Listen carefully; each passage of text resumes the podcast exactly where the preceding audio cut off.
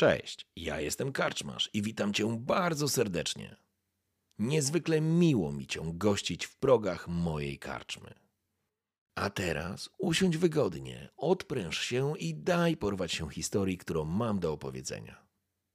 A jeśli spodoba Ci się to, co usłyszysz, zawsze możesz rozważyć wsparcie mnie za pomocą patronite.pl. Link znajdziesz w opisie. Życzę miłego słuchania. Oby nam się!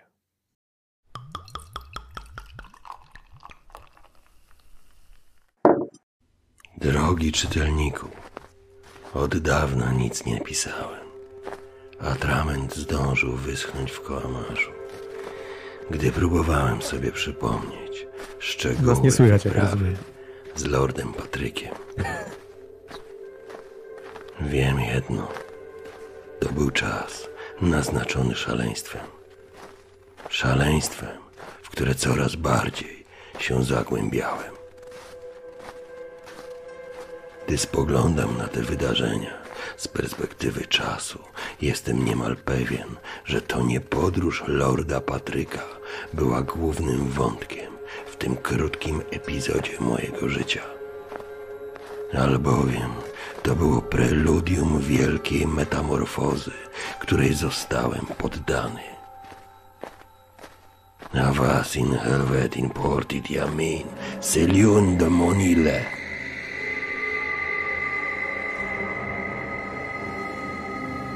Otworzyłem wrota piekieł i sprzedałem duszę demonu.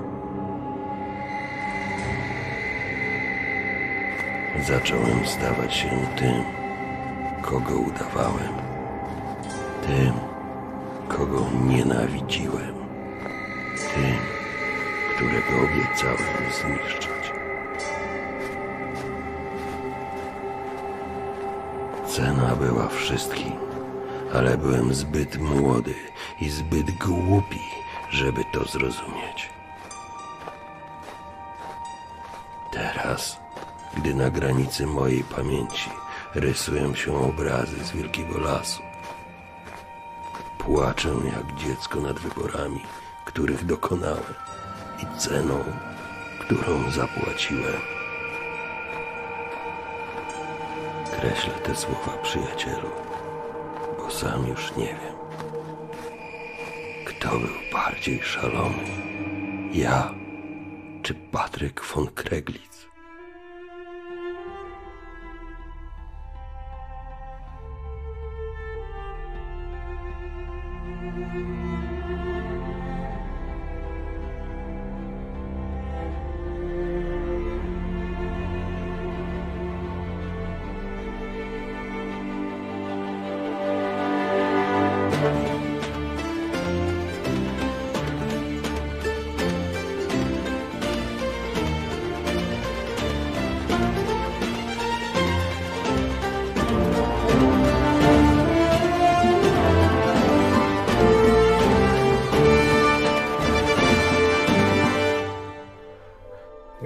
Takim razie przejdźmy do tej sytuacji. Przypuszczam, że ten list automatycznie będziesz otwierać i czytać w dogasającym e, świetle dnia, zmierzając oczywiście w, w ciszy do, do, mm, do tej warowni świecy, do tego semaforu, do tego mm, Kerzenhalter.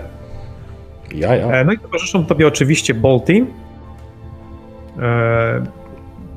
oficer Oswald, no i na saniach naturalnie czasami przytomny, czasami nieprzytomny Keller, no i pies w postaci Bianki. E, Więc zmierzacie w piątkę, no oczywiście nie liczę liny, ani chowańca zamienionego w laskę, Ani E, mrocznego zmierzacie- patrona, który jest... ani mrocznego patrona, który tak kroczy w cieniu. W swoim cieniu. Y, Zmierzacie do tej mm, Kerzenhalter. Zostało wam zaledwie pół godziny drogi. Oczywiście widać ją dosyć, dosyć blisko, ale to jest głęboki śnieg. Ciężko się idzie pod górę, więc y, pozwolę, pozwolę tobie przeczytać ten list, a potem przejdziemy do gry. Dobrze, czyli co, czytamy? Myślę, że tak. Jest, wyobraź sobie, że y, kierujesz się w stronę wysokiego zbocza, czy pącego się wysoko zbocza, na którego grani znajduje się ten, ta warownia. E, towarzyszą tobie oczywiście przyjaciele. Ciągniecie na, na spółkę Kellera, y, który znajduje się na saniach. Ty się pozwoliłeś trochę oddalić, o kilka metrów otworzyłeś ten list z tej torby z y, czterech pór roku i zacząłeś czytać. Dodatkowo jeszcze tylko nadmienię, że narzędzia krasnoludzkie, w tym i również ten wisior z tymi dłutami, leży w nogach Kellera, tak? Mm, no okej, okay, no jeżeli w torbie jest za ciężko, czy nieporęcznie, za, to... za ciężko, to, no, to okay. są narzędzia mimo wszystko, tak? To są ciężkie rzeczy. To jest dużo pieniędzy. Okay. Mm, Mark tak. Drugi Fer Hexen 2512. Kolegium Niebios Aldorf. Do rąk własnych Ottona Beckendisha. Adres Kerzenhalter Talabekland. List ma oczekiwać swojego adresata za lat równo 21. Nazywam się Rafael. Julewno i piastuje zaszczytne stanowisko patriarchy Kolegium Niebios w Altdorfie. List, który trzymasz w dłoniach, nie znalazł się w nich przypadkiem. Nadałem go dokładnie 21 lat temu i odnalezienie owego pisma zostało tobie przepowiedziane. O kurde. Wizja, która spłynęła na mnie dzisiejszego popołudnia, pozbawiła mnie przyjemności kosztowania słodyczy podwieczorka w cesarskich ogrodach. I choć z reguły porzucam myśli o ingerencyjach na rzeczywistość i czas pod wpływem omenów, tak w tym przypadku wizja była silnie niepokojąca. Towarzyszące temu wydarzenia Tło i matryca spontanicznej aury były silnie związane z siłami chaosu oraz Van, Van Hortsmanem, a epicentrum tych wydarzeń koncentrowało się na pańskiej osobie, panie Peckendish. I choć nazwisko to przypomina mi pewnego wyrzutka z akademii, to jestem przekonany, że nie jest pan tym młodym Jorlandem Peckendishem, za którego głowę wyznaczono wówczas nagrodę. Panie Peckendish, jestem astromantą specjalizującym się w wizjach czasu przyszłego. Przepowiedziałem burzę chaosu i nadejście Archa, Archaona Wszechwybrańca, więc proszę potraktować moje słowa poważnie. Nie znam kierunku pańskiej pracy. Z okruchów wizji mogę jedynie zakładać, że charakter pańskich zainteresowań ma naturę magiczną. To też pozwoliłem sobie skreślać słowa w klasycznym. Czymkolwiek się pan obecnie zajmuje, nieodzownie prowadzi do rzeczy głośnych. Pańska obecność wewnątrz cyklonu tych wydarzeń wydaje się mieć kluczowe znaczenie i choć nie wiem, czy przyjdzie to z korzyścią imperium, liczę na to. Do momentu otrzymania przez Pana tego listu będę starał się uporządkować rezonansy wizji, tak żebym był lepiej przygotowany do czekającej nas rozmowy. O kurczę, bo przecież będzie Pan chciał poznać własną przyszłość, prawda? I tak używając tego drobnego fortelu liczę, że zdołam Pana przekonać do uczestnictwa po naszej stronie w nadchodzącym konflikcie. Na dowód swej prawdomówności pozwoliłem sobie opisać Pańską śmierć. A, a, przy, a przyjdzie panu umrzeć niebawem, a raczej przyszłoby, gdybym nie napisał tegoż listu. Widzi pan, wszyscy jesteśmy niewolnikami przeznaczenia. Azyr rozszczepia się i rezonuje. Zdecydował o tym, że znalazł się pan w kręgu moich zainteresowań. To też zdecydowałem się do pana napisać i ostrzec przed zbyt prędką wizytą u bram Mora. Okoliczności pana zejścia z tego świata są następujące dwukropek, wielokropek. Tak, tutaj masz opisane jakby w, w, tym elemencie, w tym liście, swoją najbliższą śmierć. Czyli ten Dżulewno z niezwykłą dokładnością i precyzją opisuje twoją najbliższe zejście z tego świata. Jego przepowiednia jest o tyle prawdziwa, bo otrzymujesz punkt przeznaczenia, który możesz wydać na urzeczywistnienie wizji mm, tego astromanty. Innymi słowy, jeżeli zdecydujesz się nie wykorzystać tego punktu podczas najbliższej śmierci, to po prostu umrzesz, skończy się gra, a on się pomylił. Aczkolwiek. Poczekaj, poczekaj, poczekaj, jeszcze raz, sorry, bo y, patrzyłem jeszcze w ten. Co się stanie? Y, załatwiłem się, skupiłem się na tym, umrzesz i skończy się gra. Nie ma sprawy. Żulewno opisuje z niezwykłą dokładnością twoje najbliższe zejście z tego świata, ze świata Warhammera. Jego przepowiednia jest o tyle prawdziwa, o ile po prostu zrealizujesz punkt przeznaczenia, Aha, który daje. rozumiem. Możesz po prostu nie chcieć go realizować, chcieć udowodnić, że Julewno się pomylił i po prostu umrzeć. Wtedy wizja faktycznie będzie nieprawdziwa. No ale obaj wiemy, że, że wykorzystasz ten punkt, żeby przeciągnąć swoją katorgę. Tym samym najbliższa śmierć jest opisana w liście. Ty i ja tego nie wiemy, tak samo jak widzowie, co to będzie za śmierć. Julewno jednak zna prawdę o nadchodzącym czasie i przestrzeni, tym samym wie, w jakich okolicznościach umrze. Otto w tym momencie wie, co się wydarzy. My nie. Rozumiem. Dowiemy się w momencie, kiedy po prostu zużyje punkt przeznaczenia. Co Okej. było w. Czyli w porządku, czyli rozumiem, że mechanicznie używam punkt przeznaczenia po to, żeby uniknąć śmierci. Ewentualnie nie i wtedy kończymy grę. Tak, dokładnie. Dokładnie tak jest. E, Czyli po prostu w momencie, kiedy A używasz jest- punktu przeznaczenia, to, to właśnie to było opisane w liście. Te wydarzenia, które chciałeś uniknąć, tak? Rozumiesz, o co chodzi? Tak, rozumiem. A teraz pytanie oraz 10k10 punktów doświadczenia w związku z wizją. Tak, y, no to jest to doświadczające coś, tak? No, Jeżeli ktoś ci opowiada o twojej śmierci nadchodzącej, Aha, No czyli bo dostaję jest- bonus w, w pedekach. tak, jest to informacja Ale teraz, dosta- ale teraz doświadczająca. Tak, automatycznie. Wyrzucasz po prostu 10 razy K10, to są twoje dodatkowe punkty doświadczenia. Możemy to zrobić po sesji, ale możemy to zrobić teraz, jeżeli uznasz, że ma to jakoś, jakiś związek z twoją prowadzoną strategią. Mm, to tylko doczytam postscriptum. Proszę uważać w tej warowni, kogo pan wybierze. Niech wiatry panu sprzyjają mi do rychłego. Dobrze, w porządku. No, nie mam raczej z kim ich świętować, więc, więc po prostu mm, chowam ten list i myślę, że z takim lekkim przerażeniem spoglądam się dookoła, zastanawiając się, jaki los mi się co mnie czeka, krótko mówiąc. Eee, No nic. W momencie, kiedy skończyłeś e, czytać ów list, czytałeś go pewnie kilkukrotnie, żeby zapoznać się z jego treścią. E, To, co przeczytałeś, czy ten wstęp tuż przed opisem twojej śmierci, e, no ona była dosyć barwnie opisana przez Julewno, tym samym poświęciłeś trochę czasu. E, Nadal drżą ci ręce. Czujesz gdzieś wewnątrz siebie, że e, ten człowiek to nie był brzydki dowcip. Ten człowiek poświęcił czas, energię i prawdopodobnie sporą część mocy, ażeby dowieść swojej prawdomówności. I, teraz dopiero dochodzisz do siebie w tych, w tych kilku sekundach. Stoisz już tak naprawdę pod semaforem, właściwie pod nasypem tego semaforu, w cieniu tego semaforu i właśnie widzisz umierające słońce chowające się za ośnieżonymi szczytami, za ośnieżonymi wierzchołkami drzew. Przed tobą rozciąga się jeden z najpiękniejszych widoków, jaki widziałeś w życiu. Mieszkałeś połowę swojego życia w klasztorze Wereny w górach środka świata, więc widoki z wysokości nie robią na tobie wrażenia. A góry środka świata potrafią być naprawdę piękne o każdej porze, porze roku. Widać stamtąd Nordland, Wiesenland, e, przepraszam, e, Nordland, Hochland i Midenland. Każda z tych krain różni się od siebie. Tutaj widać tylko wielki las.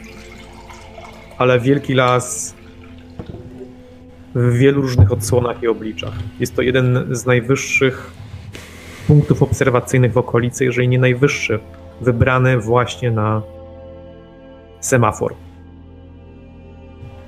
Tym samym przez moment, obserwując nici Azyr, niebieskiego wiatru magii, który wiąże się ze sobą na nieboskłonie, zastanawiałeś się nad całym listem i przyglądałeś się pięknie natury, o którym wspominał Nergisz.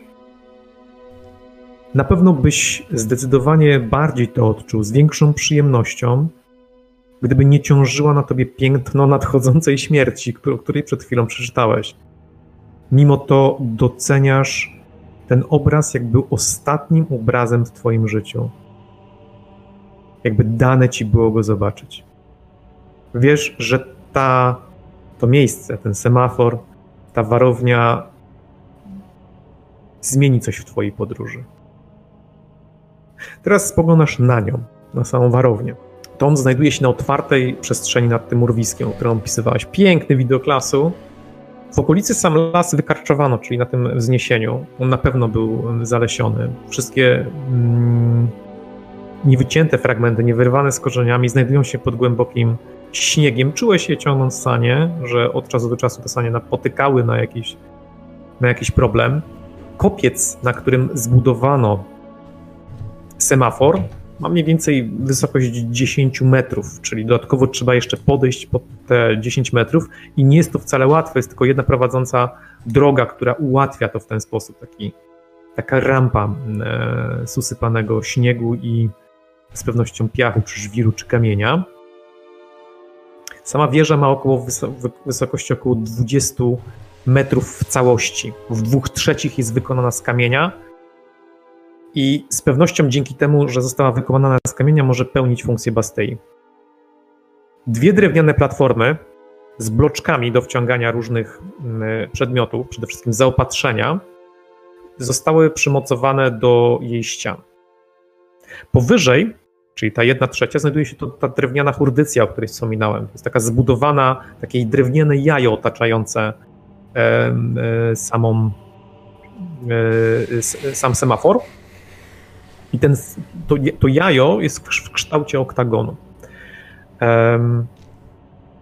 Są, jest ono wyposażone w dwa dużej wielkości włazy wlotowe. Na samej hurdycji mieści się wąska wieża o spiczastym dachu. Cała, całość hurdycji jest pokryte metalową siatką od góry. Nie wiesz, do czego to miało służyć, ale na twoje oko wygląda to jak gniazdo tylko wykonane ze stali. Stalowa siatka nie jest łatwa do wykonania. To od razu tobie mówię. To muszą być manufaktury. E, samym szczytem jest kij bez żadnego proporczyka, czy bez żadnej chorągwi. Z jednego z otworów wieży wychodzi jakiś długi drąg zakończony metalowymi łopatkami. W obecnej chwili na dachach przycupnęły okoliczne ptaki. Przede wszystkim wrony i kruki. Kraczą. Jesteś pewien, ale jak się trochę odsuniesz, to zobaczysz miejsce wylotowe tego łańcucha, który niknie gdzieś za tobą wewnątrz śniegu, setki metrów dalej. Ten łańcuch musiał zostać uszkodzony przez coś dużego i opadając naderwał fragment E, fragment drewnianej kurdycji, która wydaje się być podłogą jednego z poziomów. Obracam się do Oswalda. Panie Oswaldzie, prawie jesteśmy na miejscu.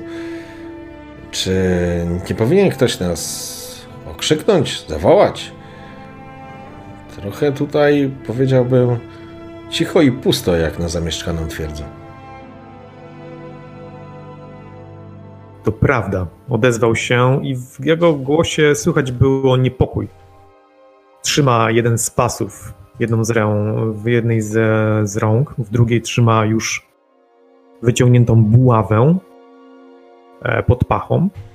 Ten pas oczywiście to jest zakończenie tych sań razem z Boltim ciągną je po prostu w momencie, kiedy ty czytałeś. Oni podchodzą raczej w ciszy, nie odzywając się. Widać między nimi napięcie, więc na pewno są świadomi tego, co przed chwilą wypowiedziałeś. Ale nie rezygnują. Z wnętrza warowni nie dochodzi żadne światło, żadnej świecy. Hmm. Ponieważ drzwi do, prowadzące do semaforu są po waszej stronie, nie są oświetlone.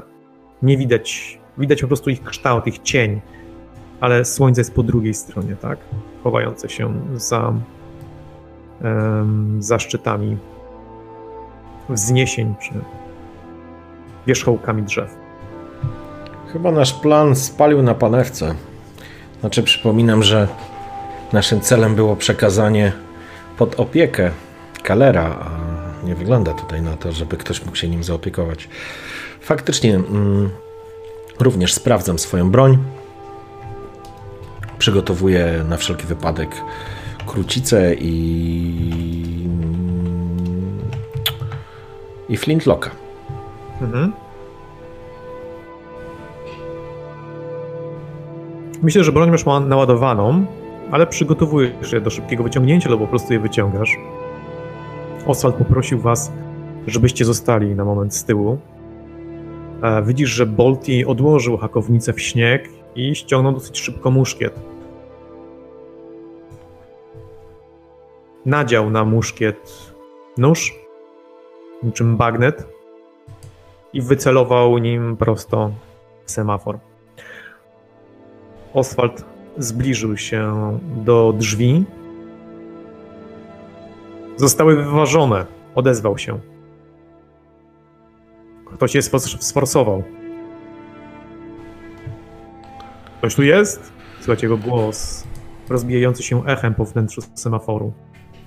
Musiał zdążyć już wejść jedną nogą do środka. Staram się spojrzeć na cały, na cały ten semafor, na całą twierdzę, poprzez wiedźmi wzrok, zobaczyć, czy może coś uda mi się dostrzec, czy, czy nad samym miejscem snują się jakieś dziwne wiatry, których nie powinno tutaj być. Rozumiem. Widzisz, że do wnętrza tuż obok, jakby koło stopy samego Oswalda, wdziera się niewielka smuga czerwonego, pełzającego wiatru akuszy. Widzisz, że nad tobą łopocze niczym sztandar, niczym proporzec na wietrze Azyr, który stara się swoimi wstęgami otoczyć tą warownię świecę. Czy inne wiatry się tutaj znajdują? Raczej nie. Raczej y, forteca jest ich pozbawiona. W porządku, rozejrzyjmy się tutaj szybko, ale nie sądzę, rzucam do Boltiego, żeby Widzisz, udało nam się Okej, no to ruszam, z, z, razem z nim idę, nie?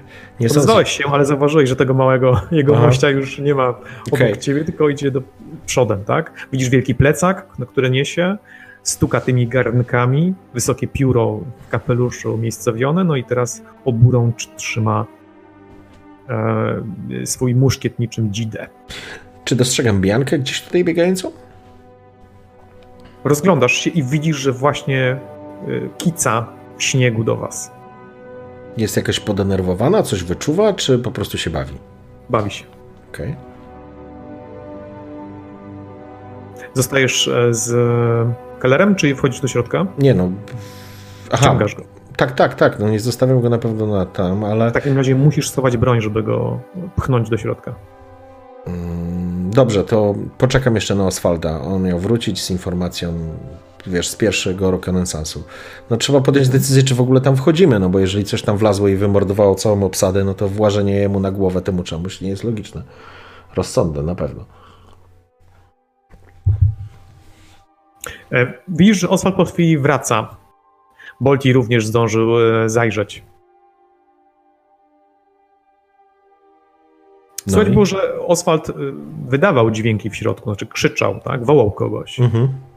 Wrócił i widzisz, że, jest, że się zastanawia.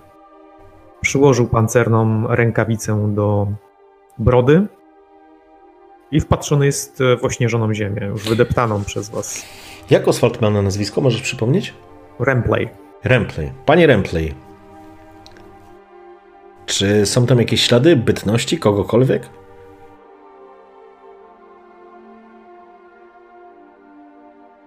Jestem prawie przekonany, że ktoś zaatakował fortecę. Zdobył ją. Nikogo żywego w środku nie było, ale również nie widziałem śladów walki. A, dobrze. Jest Pozwoli... już mrok, jest już mrok, żebyśmy mieli jasność, jest już ciemno. Mam prośbę, rzucam do Boltiego. Hmm. Przypilnuj proszę Kellera. Podejdę sam do tej go wyłamanej bramy. E, Spróbuję również tam się rozejrzeć. No jedyna rzecz, która może mi przyjść teraz do głowy, to po prostu czy coś wyczuję em, nienormalnego, tak? Czy specjalnego, czy Rozumiem. obecność, cokolwiek. No. Słyszysz, słyszysz rozmowę między Boltim a mm, Oswaldem, gdy odchodzisz, zbliżasz się. Chyba będziemy musieli tutaj zostać, odzywa się Bolti. Najwyraźniej tak. Te drzwi, wydaje mi się, że będziemy w stanie naprawić. Trzeba się dokładnie rozejrzeć po tym miejscu. Czyli realizujemy plan e, księcia, pyta się Bolti. Naturalnie. Zbliżasz się do drzwi, które są faktycznie wyłamane. No, ktoś z dużą siłą, po prostu używając jakiegoś tarana, sforsował je. Widzisz, że wnętrze, we wnętrzu jest ciemno. Znaczy, dostrzegasz, że duży obiekt na samym środku to z pewnością murowane palanisko gigantycznej wielkości. Ale poza nim, no, cienie grają w, z tobą w szachy. Gdziekolwiek nie zobaczysz, tam widzisz po prostu inny cień w tym momencie, inny kształt. Bez jakiegoś oświetlenia nie dasz rady.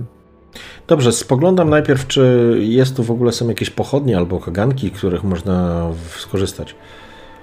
Przeszukiwanie. Mam umiejętność, da. Czyli kasto rzucamy, nie? Na pełną inteligencję. Tak. No, wiedziałem, że mi się przyda. No kurwa. Nie, wydaje się, że warownia świec jest pozbawiona oświetlenia.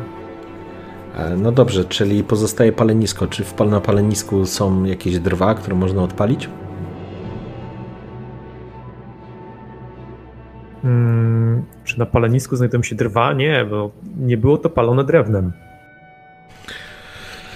No dobrze. Dodatkowo widzisz na palenisku oznaczenia w miejscu oczywiście, gdzie e, była, było wkładane paliwo. Widzisz oznaczenia dwóch krasnoludzkich tarcz. Znam te symbole? Znasz te symbole. To są krasnoludzkie runy. To krasnoludzkie pismo. Czy coś to konkretnego oznacza? E, Pewnie dla krasnoluda tak, dla ciebie niespecjalnie. To Okej. znaki inżynierów. Rozumiem. Dobrze, no wracam w takim razie do, do, do, do, do tych drzwi. Pana... Widziałeś również schody, że przy jednej ze ścian kształt schodów wydawał się być niezmienny. Kamienne, e, serpentynowe schody wiodące w górę. Rozumiem. E, Dobrze, wracam w każdym razie do, do, do, Mhm. do, do reszty oddziału, nazwijmy to w ten sposób. Panowie, jest już ciemno, prawdopodobnie musimy i tak tutaj przetrwać noc, żeby wrócić. Nie wygląda tutaj. To znaczy, nie ma tu żadnych znaków życia, więc nie sądzę, że będziemy mogli tu zostawić Klera.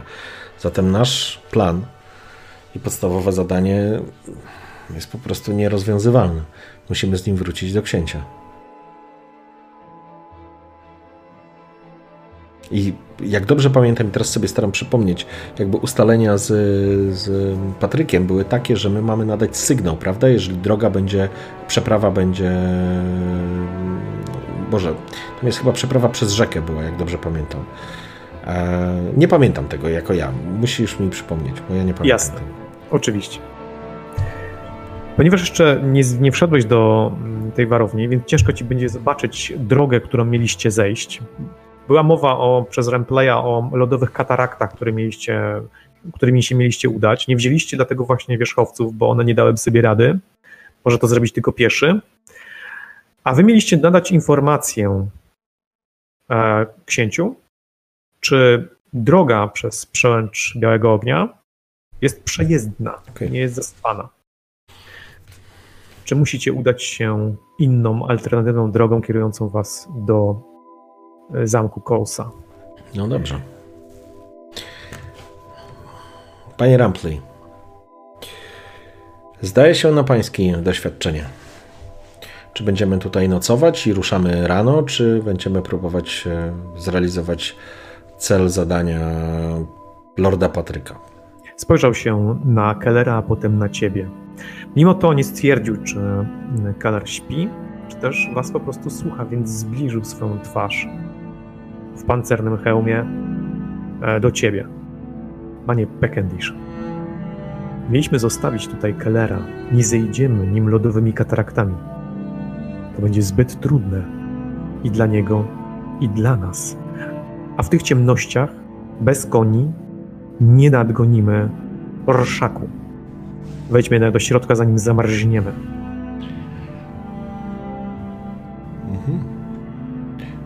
Obracam się i rzucam tylko przez ramię. Molty odezwał się, gdy ty chciałeś się odezwać. Mhm. Będziesz potrafił naprawić te drzwi? No, Nie jestem najlepszy w drewnie, ale... Ja to jestem w stanie zrobić. Mhm. Ale obracam się do niego. Czyli co? Zbudujemy mu to sarkofag? Mówię tak, żeby on to usłyszał. Ale kto usłyszał? Eee, Oswald? No, Oswald, tak, bo to z Oswaldem rozmawiałem. Rozumiem, bo Oswald się już odwrócił, jakby zakończył, chciał zakończyć rozmowę, ale kiedy to powiedziałeś, zatrzymał się, obrócił się na ciebie i dostrzegłeś e, no, w jego oczach zafrasowanie. Ale jakby nie kontynuował rozmowy, nie chciał odpowiadać na to pytanie. Dałeś mu na pewno do myślenia. Chwycił oba pasy skórzane i zaczął ciągnąć samodzielnie. Tak. Nie, pomagam oczywiście. stanie. Pomagam oczywiście. Dobra. Podleciała oczywiście Bianka. Mm, Chciała się tam przytulać, mm, no ale byłeś zajęty, więc nie miała takiej możliwości. Wszyscy weszliście do środka, do wnętrza. Bolti zdążył wyciągnąć latarnię, rozpalić ją i pomieszczenie nabrało od razu ciepła. Widzisz, że od samego, od tego wielkiego paleniska stalowymi rurami odprowadzany jest dym przez dziurę w suficie. Po lewej i po prawej stronie. Gdzieś e, w rogach pomieszczenia. Widać, że obok znajdują się rozbite lustra, ale najciekawsze z nich jest to, że znajdują się one na drewnianych platformach, które mm, mają mechanizmy do ich poruszania. Lustra są gigantyczne i właściwie do czego mogły służyć, nie wiesz. Gdyż em, no, z fizykiem najlepszym nie jesteś. Zna- Znajdują się tutaj również te kamienne schody, o których wspominałem, e, kręcone na górę, oraz żelazny włas w podłodze, tuż obok tego paleniska. Może być to jakiś schowek, skrytka, ale może to służyć do czegoś innego. W ścianie, tuż obok paleniska, czy właściwie za tym paleniskiem, znajduje się wzmocniona, żeliwna, żelazna okiennica. Widzisz, że nity no, są wielkości pięści. Nie wiesz po co miałaby być budowana, ale może to jest jakiś rodzaj sypu do oczyszczenia tego paleniska. Nie wiesz. No. To krasnoludzkie, więc może to. Trzeba było krasnoluda wziąć ze sobą. Na ziemi leży siennik i kufer. Kufer jest otwarty i widać, że wnętrze jego zostało tak przygotowane, w takie drewniane wnęki i szczeliny, że musiały tam się znajdować jakieś specjalistyczne narzędzia. Prawdopodobnie narzędzia, takie jak korby e, i, i temu podobne rzeczy do zawiadywania tymi zwierciadłami. Równo złożone deski, fragmenty kamiennych bloków zostały przez kogoś najwyraźniej rozkopane. Sufit wsparty jest na czterech drewnianych kolumnach. I od razu tutaj powiem, to jest. No, ktoś się znał na rzeczy. To jest najwyższej klasy drewno, nie które na pewno pochodziło z jakiegoś miejsca z Wielkiego Lasu. W porządku. Mm, Gdy tylko weszliście, Oswald skierował się do góry. Dobrze, ja natomiast e, jakby zostawiam swoje rzeczy przy tym palenisku. E, Do, tam dociągam te, te sanie, czy, czy razem z Boltim ściągamy mm, kalera z tych sań, Mhm. albo po prostu usawie, us, wiesz, usadawiamy go nieopodal. Rzucam Na tych tylko- jest bardzo wygodnie. Okej. jest bardzo Okej, wygodnie. rzucam tylko Boltiemu, żeby rozpalił palenisko, a ja w tym czasie sprawdzę te drzwi. To, to palenisko? Pokazuje na to gigantyczne palenisko w środku. No, przecież nie musisz rozpalić tam tak wielkiego ognia. No. Zresztą, co ci będę mówił? Ważne, żeby było cieplej. Keller potrzebuje ciepła. Podrapał się po głowie, zastanawiając się nad twoją prośbą, a ty w tym czasie Sprawdzam te drzwi. Przyglądam się, co można zrobić, żeby je po prostu zamknąć. Rozumiem. E, Znajdowała się tutaj zasuwa, taki rygiel, który pękł razem z fragmentem e, drzwi. Wydaje mi się, że w przeciągu godziny, mając materiał, a jest tutaj drewno, oraz narzędzia, a tak się składa, że wziąłeś narzędzia, będziesz w stanie zrobić je na jak nowe. Dobrze, e, to w takim razie ja się tym zajmuję, bo i tak musimy zamknąć na noc te drzwi i tak. Świetnie.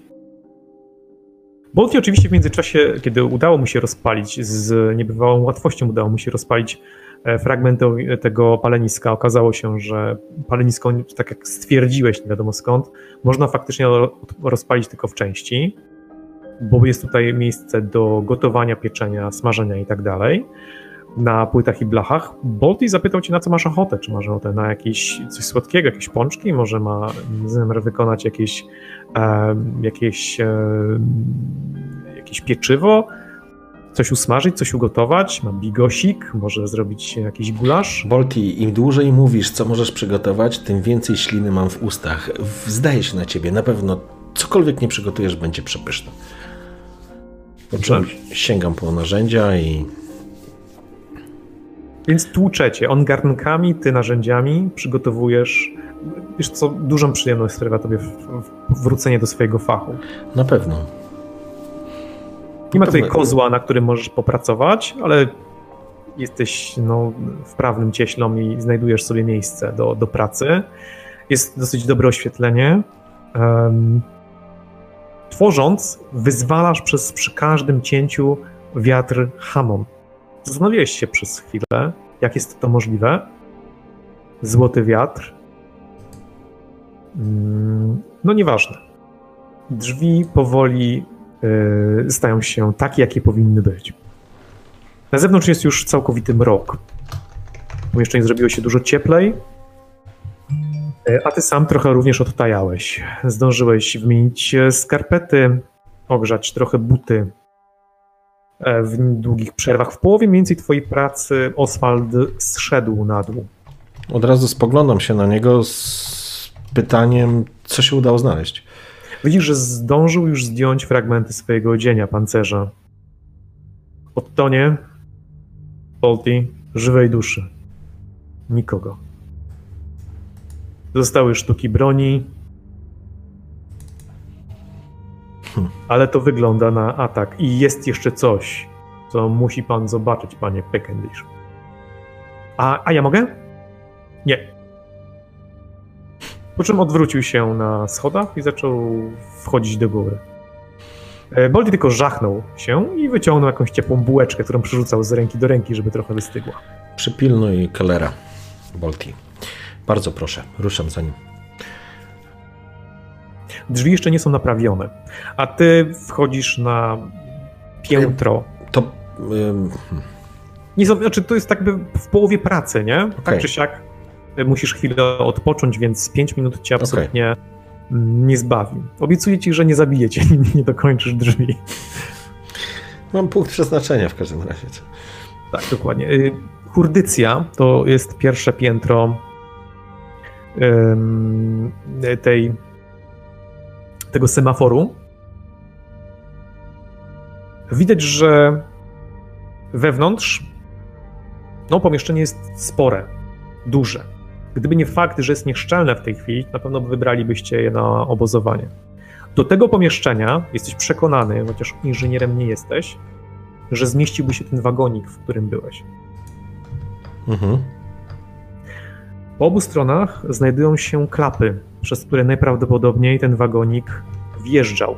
To było jego miejsce postojowe, a następnie ruszał dalej.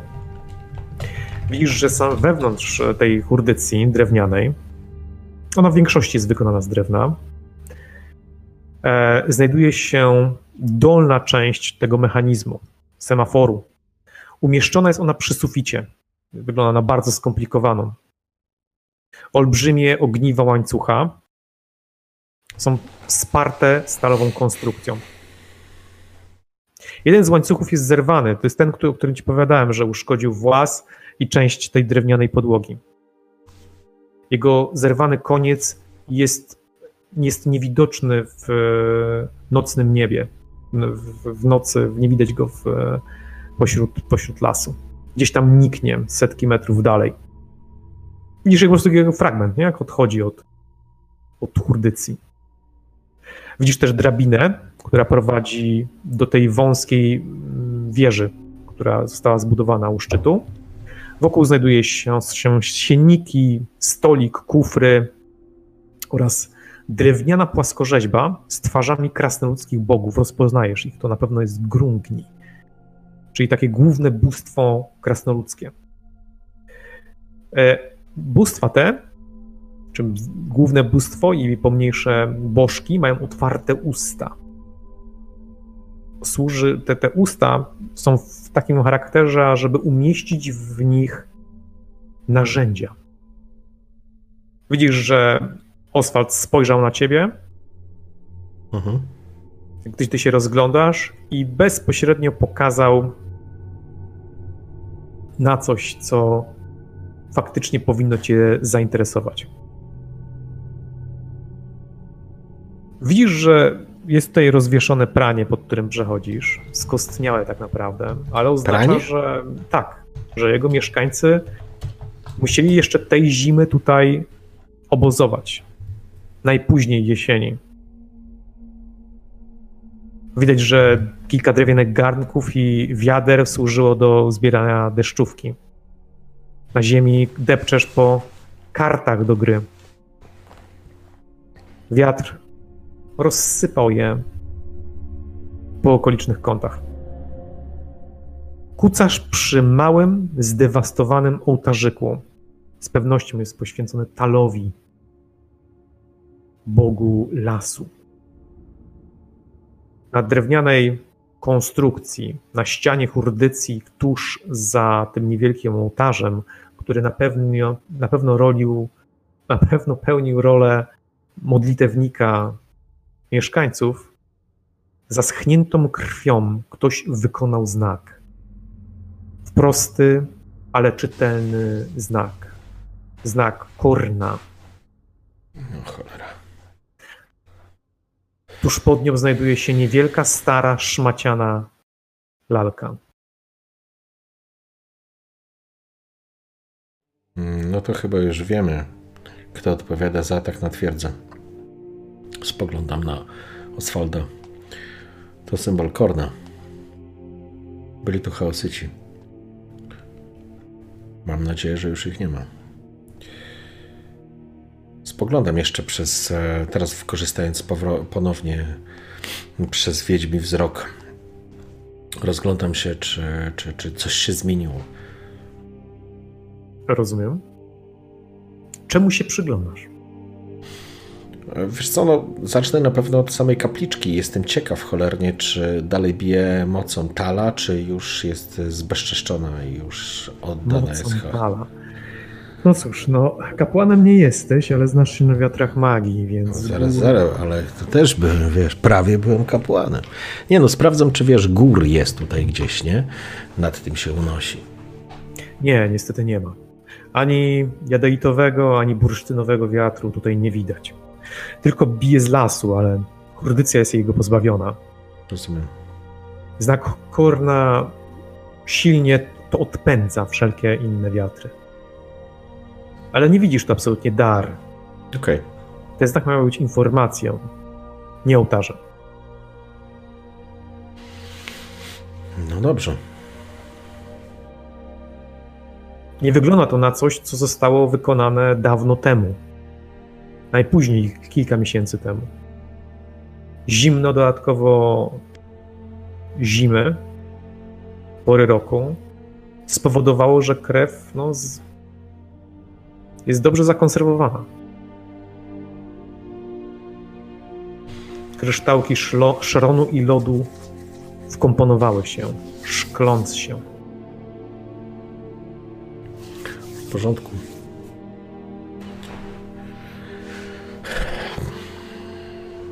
Panie, Ra-? Panie Rampley, korzystając z okazji, że jesteśmy tu sami. Odsuwa pranie, żeby cię lepiej widzieć. Mhm.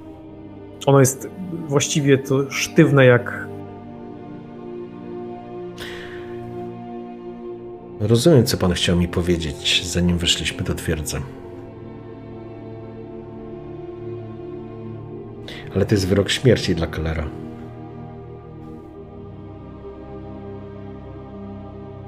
Nie zostawię go, jeżeli pan o to pyta. To chciałem usłyszeć. Uśmiecham się, lekko klepiąc go w ramię. Zrobię wszystko, żeby przeżył. Idę dalej. Schodzę. Musimy zorganizować sobie ten postój w tym miejscu. Wyruszymy stąd o świcie? Mamy tutaj misję. Czyli odpoczynek i w drogę.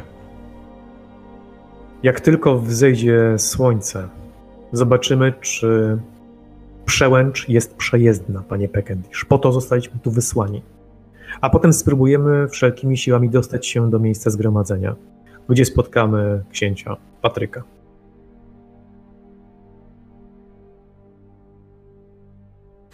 W porządku.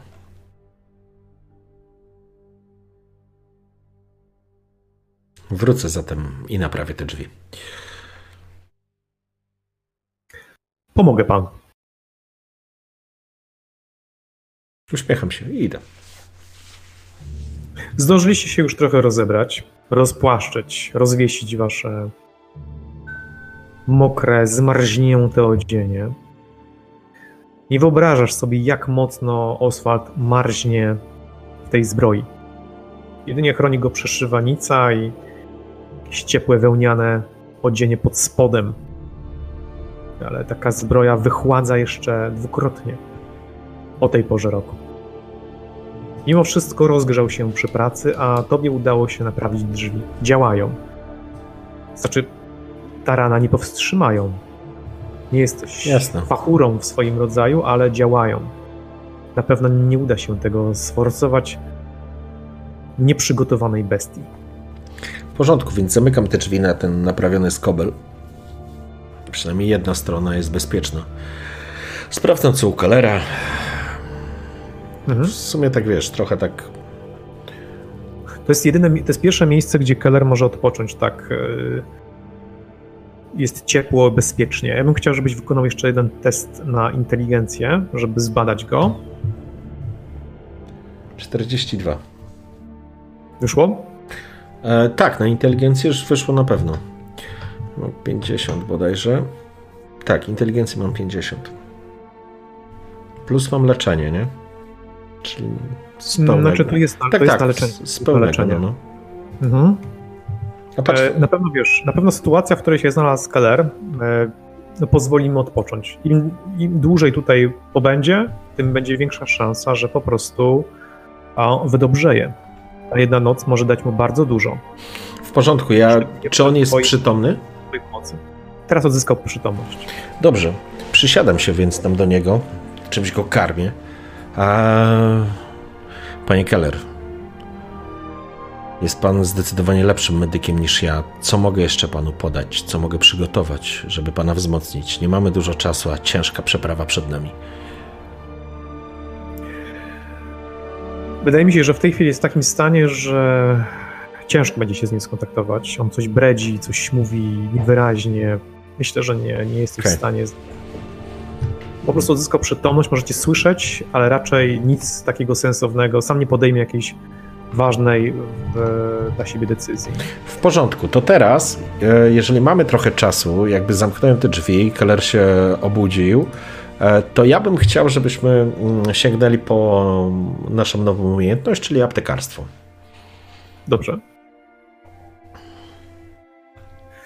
Rozumiem. No bo Zanim jednak Mhm. przejdziemy do tego aptekarstwa, bo to jest całkowicie nowa umiejętność w Twoim wydaniu, e, warto by, żebyś się zapoznał, y, co możesz właściwie zrobić za pomocą tego aptekarstwa, bo tego nie wiesz. Okej. Będziemy korzystać ze spisu ym, y, Zbrojowni Starego Świata, gdzie jest rozwinięta wersja aptekarstwa. Ja zakładam po prostu, że posiadasz receptury, które są najbardziej znane, poza tymi, które są y, rzadkie albo bardzo trudne do zdobycia składniki, tych, które po prostu nie będzie w plecaku Kellera, tak? Tłumaczenie tych wszystkich mikstur oraz tego, jak działają, zajmuje czas, więc przeczytam ci, jakie się one znajdują. Mniej więcej staram się powiedzieć, które będziesz mógł wykonać. Okej. Targrety. Możemy się w ogóle umówić, że po- powiesz tylko te, które mogę zrobić, Okej, bo, bo szkoda czasu, nie? E, Lek na wszelkie zło. O, To jest pierwsza mikstura. Mikstura lecznicza. Mleko niziołków. Napój odwagi. Odtrutka. Od razu ostrzegam, że no, odtrutka jest bardziej skomplikowana. Nie działa tak, że znajdziesz lek na wsz- w każdą chorobę. okej. Y, Pocałunek dwórki. I to wszystko. Dobrze, tylko mi powiedz z czym, co to jest e, pocałunek dwórki, mleko niziołków i, i tam na początku była jeszcze jedna taka... nazwał. Tylko co, co to daje? Lek Bo- na wszelkie zło. O, le- lek na Mhm. wszelkie zło, dokładnie. Co to znaczy? To jest na E, choroby? wiesz Co? Lek na wszelkie zło to jest taki randomowy bardzo lek. Może bardzo mocno zaszkodzić, ale może też bardzo mocno pomóc. To zależy od rzutów. No ja pierdzielę, serio? Naprawdę. Ogólnie nie polecam tego, ale to bardzo ciekawe ma zastosowanie. O, aha. Pocałunek dwórki, Mle, mleko E, ta faktycznie. ta mikstura to jest połączenie doskonałej brandy z narkotykiem. O, brzmi dobrze. Szczególną popularnością cieszy się w Waldorfie. Po, skożyciu, po spożyciu postać nabiera pewności siebie i e, staje się bardziej elokwentna. Dodaje Aha. dokładnie mechanicznie Charyzmę plus podbija? 5 do przekonywania, Aha. ale także minus 10 do testów inteligencji na czas 1K10 Rozumiem. godzin. Dobra, to y, tak naprawdę lecznicza nas chyba interesuje najbardziej. Mleko niziołków jeszcze, możesz No właśnie. do uwagi. Mleko I- niziołków cię interesuje. No, co, co to daje? To jest napój o gorzkim smaku, e, kredowy posmak. E, Postać zyskuje lepszą kondycję ruchową. Na zręczność. zmysł równowagi. Modyfikator plus 5 do testów zręczności. Ubocznym działaniem mleka jest osłabienie umysłu, co powoduje modyfikator minus 10 do testów siły woli Mówimy na tak 3K10 rund. O dragach tak naprawdę. No dobra, a, a powiedz mi, ten lecznicza, co, co, co daje? Ile leczy? lecznica nie ma żadnych w ogóle, nie wiem dlaczego nie ma efektów ubocznych, powinna mieć. Bardzo dobra informacja. Wypicie tej mikstury automatycznie przywraca 4 punkty żywotności. Lekko rannej postaci. W porządku. Dobrze, to no w takim razie odwaga, co opanowanie podnosi? Tak już mechanicznie? E, Spożycie mikstury zapewnia modyfikator plus 10 do testów strachu. Aha. Czyli siłę woli tak naprawdę plus 10, nie? W tym wypadku. No dobrze, to w, słuchaj, żeby nie przedłużać. pytanie, ile mogę zrobić napoi tych e, potek e, leczniczych? Każda potka, czyli każda, mm, każda mikstura, którą chcesz zrobić medyczna, to jest jeszcze alchemiczna, którą również możesz spróbować zrobić, ale do tego potrzebujesz już mieć aparaturę, a tutaj wystarczy plecak e, Kellera, wymaga czasu 1K10 godzin Na jedną. na jedną. No dobrze, no to słuchaj, no to próbuję zrobić, no. Ty rzucasz, czy Tak, ja mam... 1K10 godzin ty rzucasz. Aha, dobra, okej. No dobra, to rzucam i zobaczmy, ile mi to zajmie. O, jeden, cudownie. Jedną godzinę, pewnie. Okej, e, w takim razie zaj- próba zajmie ci jedną godzinę. Rzuć jeszcze teraz test inteligencji. Kurde. O, 40, wyszło. No to świetnie. E, o ile ci wyszło, bo to też jest ważne. Mm, No plus 10. To mam dwa plus, sukcesy. 5 za, plus 5 za plecak. Okej. Dobra, okej, czyli o 15, czyli o 2, tak czy siak. Świetnie, w takim razie e, otworzyłeś ten plecak, wyciągnąłeś wszelkie niezbędne e, do stworzenia tej receptury przedmioty, składniki, ingrediencje, a następnie moździerz oraz wszystkie narzędzia, które są potrzebne do stworzenia. No i posiedziałeś z Boltim oraz z em, Kellerem, no i oczywiście Oswaldem. Wszyscy trochę zjedliście, ty przy okazji e, rozmawiałeś, próbując po prostu złapać trochę tej przyjemności takiej obozowej. E, no i jednocześnie zrobiłeś tą miksturę, zużywając jedną z pustych, e, pustych e, flakoników, które Okej. napełniłeś oczywiście roztopionym śniegiem, no i niezbędnymi ziołami. A nie Wiesz, mogę. że mikstura na pewno zadziała. Okej, a nie mogę teraz e, poddać tej mikstury Kellerowi, żeby go podnieść?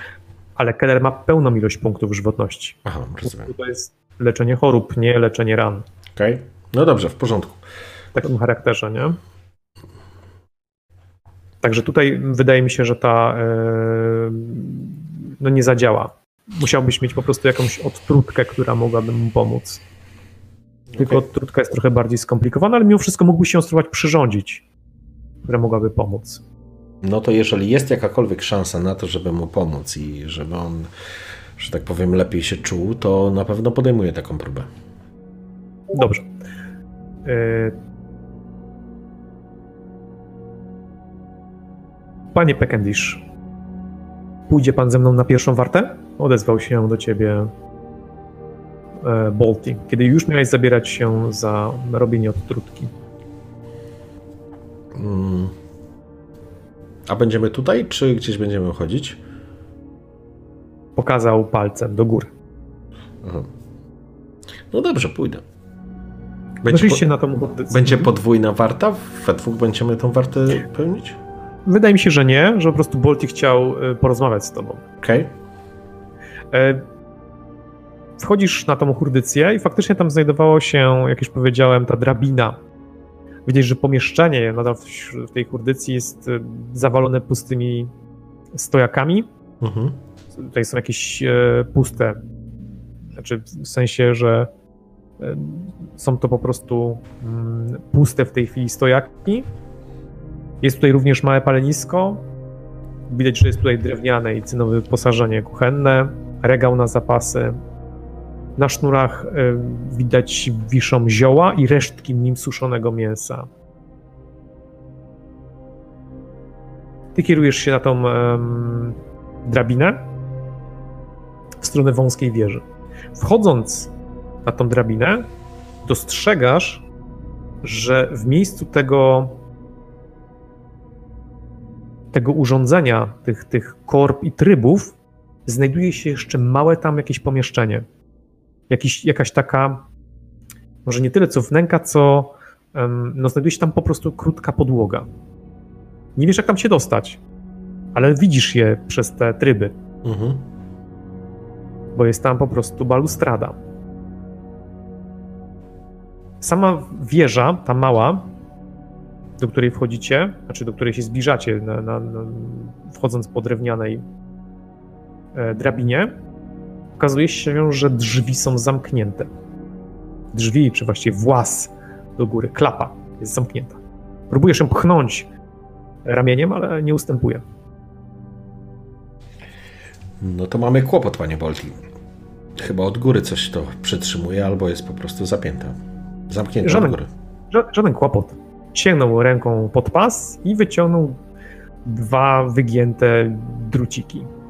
I przeszedł po prostu na drugą stronę drabiny i teraz jesteście frontem do siebie. I on po prostu się wspina do góry, bardzo zręcznie, po czym zaplątuje nogę razem ze swoją stopą w drabinę, tak żeby mieć wygodnie, żeby po prostu na niej wisieć. I w przeciągu minuty klapa ustępuje. Ale ja sobie e, z tym nie poradzę, proszę mi pomóc. No We dobrze. dwójkę pchacie do góry tą klapę i z oświetleniem ś- przy, przymocowanej do twojego pasa latarni wchodzicie do góry. Oświetlasz wnętrze wieży i widać, że jest to górna część tego mechanizmu zawiodującego tym semaforem. Duże, ma, małe tryby e, przypominają coś w rodzaju wnętrza zegara, a ich poziom skomplikowania zdecydowanie nasuwa krasnoludy. Dodatkowo widzisz, że z tej wieży jest zejście do tej platformy, o której ci wspominałem. Jest taka ciasna wnęka, w którą można się wsunąć i wejść na dół i się ukryć. To rozejrzę Widać się. tam. również, dobrze, widać również kolejną małą drabinę, która prowadzi na drewnianą galerię. Taka położona jest po prostu w, na kącie dzie- 45 stopni, skierowana w stronę właśnie okna wychodzącego na taki stromy daszek. Prawdopodobnie można dostać się do tych, do tej siatki, która okala e, ten, em, tą hurdycję. Widzisz, że mechanizm tych drzewców sygnalizacyjnych, tych obrotowych takich, które jest połączone do tego mechanizmu, wydaje się być sprawny, bo Bolti trącił go muszkietem, którym się naturalnie wspinał i widzisz, że te tryby przeskoczyły po sobie, te zapadki. Więc to wszystko jest najprawdopodobniej sprawne. Chociaż nie masz bladego pojęcia, jak to użyć. Może jest to jakaś instrukcja, albo krasnoludy w jakiś sposób, e, no, no krasnoludy wiedziały, jak tym zagadywać. No to krasnoludzka robota, no. No dobrze, zerknę w takim razie jeszcze w tą... W to, w to. Dobra, nie wychodzisz na zewnątrz, na tą platformę, a ty zsuwasz się w to wąskie przejś- przejście. Zastanawiasz się, jak to jest możliwe, że grube krasnoludy były w stanie wsunąć się w tą dziurę. To jest po prostu niemożliwe. Ty masz problem, żeby się tam wsunąć. I no schodzisz na dół. Jest dosyć ciemno. Bierzesz, że są latarnie. Mhm. Rzuć proszę cię na test e, spostrzegawczości. Pełen wzroku. Wiesz co, trzeba kil- kilka razy kliknąć. O, sorry, pierwszy rzut 77, to nie wyszło. E, o ile ci nie wyszło? Zaraz ci powiem. Spostrzegawczość to inteligencja też, nie? Tak, to jest umiejętność Oś- inteligencji. O 17, bo spostrzegawczość mam na plus 10. Dobrze. W takim razie widzisz, że wśród trybów coś się ukryło. Pomiędzy dwoma dużymi, kilkoma małymi trybami coś się wsunęło i drży. Coś niewielkiego. Jak krasnolud. Albo niziołek. Albo goblin. Bolty! Sięgam po krucicę. To coś się przesunęło, próbuje się ukryć pomiędzy trybami, ale zostało przez ciebie zobaczone. Jest tutaj mało miejsca. Widzisz, że Bolti wsuwa się w otwór. Tak, panie Peckendish? Mamy tu gościa. Wychodź stamtąd. Wyciągam, wiesz, podnoszę lampę i krucicę mam w ręku. Mierząc w tamtą stronę. Rozumiem. Proszę mnie ubezpieczać, panie Bolty. Dobra. No, test zastraszania plus 30.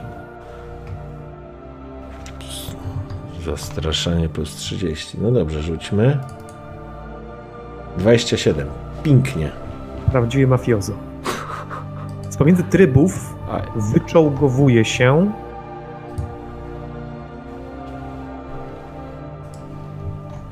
Właściwie jak to opisać? Niewysoka postać humanoidalna z króliczymi uszami, również o takiej samej sierści na głowie, z dłońmi ludzkimi, które są opięte jakimiś rzemieniami, trawą, ubrana z resztek różnego rodzaju materiałów, brzęcząca fragmentami garnków i metalowych spinek, w przydużych wojskowych butach, które na pewno należało do obsługi właśnie tego semaforu. Dzieciak ma brudną twarz, to jest dzieciak? tak. Dzieciak ma brudną twarz. Od smaru Ale czy to jest człowiek? i czekolady. Poczekaj, czekaj. A, czy wygląda jak człowiek? Bo powiedziałeś o króliczych uszach i trochę, wiesz... Tak, ma, ma królicze uszy. Jest tak brudny i tak ubrany, że ciężko stwierdzić, czy to są jego prawdziwe uszy, czy po prostu No nie, no nosi na porządku. sobie jakiś, jakąś czapkę królika. Nie no, jeżeli widzę, że to jest dziecko, to odkładam, chowam Mhm. krucicę, spoglądam spokojnie mały, spokojnie, nic ci się nie stanie. Wiesz, staram się przy, y, wiesz, podnieść tą latarnię, żeby oświetlić też twarz, żeby to nie było takie mroczne, nie? Ehe, Kto, kto to? Kto to jest? Odzywa się Boldy. To jakiś, jakiś dzieciak to jest, jakiś dzieciuch. Mówisz staroświatowym? Widzi, że stoi, ma mniej więcej jak 7 lat i drży. Próbuje nie patrzeć ci w oczy, patrzy po waszych stopach i Mm. szuka drogi ucieczki. Jedną drogą jest to miejsce, gdzie stoi w tej chwili Boldy, więc Nie jest wiem. to niezwykle trudne, żeby uciec. Mm, Słuchaj, no to wiesz, przykucam tak na jego wysokość, odstawiając gdzieś lampę. Dobra? Staram się nawiązać z nim jakiś kontakt. E, Staram się go On się nie uspokoić. odzywa. Mhm. Spokojnie, mały, spokojnie. Odkładasz lampę, tak? No, kładę na ziemi On W obok. takim razie próbuje wykorzystać ten moment i rzuca się w stronę ucieczki, w stronę tego włazu, gdzie znajduje się, e, gdzie znajduje się Bolti. 63, no niespecjalnie, 64, nie udało mu się specjalnie zrobić tego szybko, więc pozwolę tobie zareagować. No, Tak próbuję go złapać w takim Boltiemu. razie. Mhm. Próbuję to go złapać, zręczności. wiesz. To jest zręczności. No, to będzie śmiesznie, bo zręczności mam całe 30. E, Liny nie będę używał. Dobra, 30. To rzucam. Mhm. 18. Kurczę, jaki rzut. Świetnie, Bolti nie musiał reagować. Złapałeś e, chłopca, Spokojnie. nie wydał, nie, nie, wydał, nie wydał z siebie e, żadnego dźwięku. Przytrzymałeś go, on się zatrzymał i spojrzał na ciebie, jest, jest przerażony, się Spokojnie. Zachowuje się dosyć normalnie, poza tym, że jest przerażony, jest sam w twierdzy świecy. Spokojnie. Jesteśmy przyjaciółmi, pomożemy ci. Nie bój się, jesteśmy ludźmi. No spoglądam i niziołkami. Patrzy na twoje usta i wydaje się tobie, że on ciebie nie rozumie. Mówisz w staroświatowym? Patrzy na twoje oczy i patrzy znowu na twoje usta. Pokazuje, klepie się. Jorland. Klepie się. Pokazuje na Pokazuje na, pokazuje na siebie i mówi Sz. Sz. Kiwa głową. Aha. Spoglądam się, ale tak teraz jak z bliska trzymam go tak naprawdę, no to jest no, na, na wyciągnięcie ręki. Mhm. To, to jest ludzki dzieciak, tak? Nie widzę tutaj żadnych jakiś objaw mutacji jak Mutacji? w. To znaczy Wiesz przynajmniej na, rzut, go- na pierwszy rzut oka, Musia- nie? O to mi chodzi. Musiałbyś go wyszorować i obejrzeć, e, czy nie ma takich mutacji, ale no wydaje się to dzieciak po prostu, ale brudny, no taki zapuszczony, tak? Ubrany w jakiś mm, myśliwski strój, taki raczej no, nawet nie myśliwski, tylko raczej z króliczych, No z rozumiem. króliczych futer. A czy to, to, to jego sz coś mi zasugerowało? Jakiś język? Jakiś dialekt? Niespecjalnie. Raczej tak się mówi do kogoś, żeby go uciszyć. E, spoglądam na Boltiego. Myślę, że musimy go zaprowadzić do ogniska. Niech się tam ogrzeje i jak się uspokoi, to może coś nam powie. Dobrze, panie Pekendish. Sz! Pokazuję mu tak, jakby szedł za mną, ale trzymam go za rękę. I Yy, Obawiam się, że nie będę mu panu towarzyszyć. Mam pierwszą wartę. Rozejrzę się, czy nic nam nie zagraża. spoglądam jeszcze tylko na Boltiego. Panie Bolti, chciał pan po czymś ze mną porozmawiać? Spojrzał się na dziecko, na ciebie. A, to prawda, ale wydaje się, że to jest ważniejsze. Po czym kaszlnął cicho.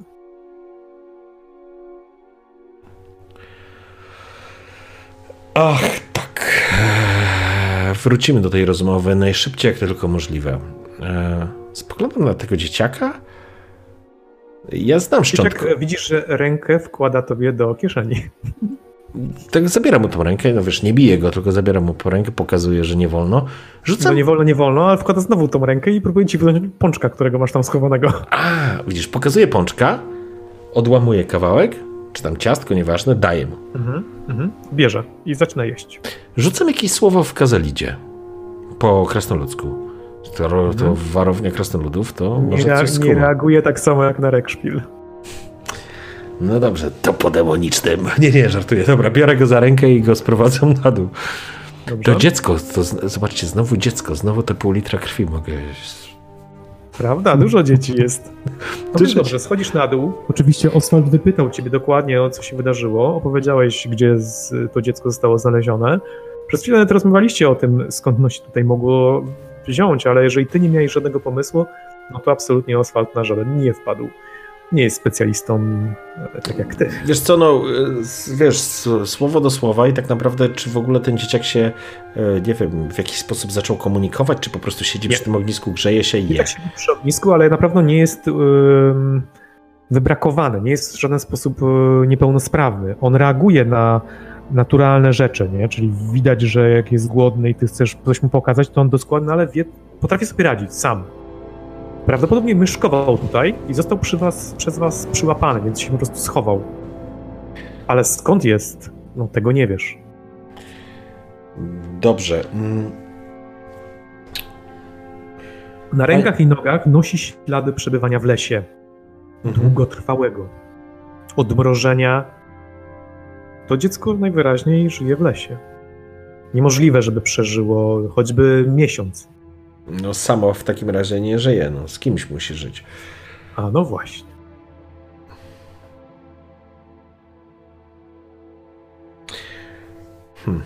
No nic, no słuchaj, no próbuję jeszcze się przyglądać temu dzieciakowi, e, ewentualnie próbuję, wiesz, e, biorę jakiś kawałek, e, nie wiem, płótna czy szmaty, ma- namaczam go w wodzie i pod pretekstem jakby przemywania go Wiesz, no staram się go obejrzeć, czy, czy, czy, czy tam nie ma jakichś znaków.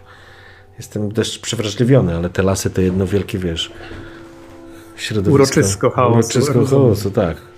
Dobrze, więc e, dzielisz ten czas i na Kellera, i na, na twoje zrobienie twoich mikstur oraz obejrzenie dzieciaka, który dosyć szybko idzie spać po tym, jak e, zeżarł wam e, część zapasów.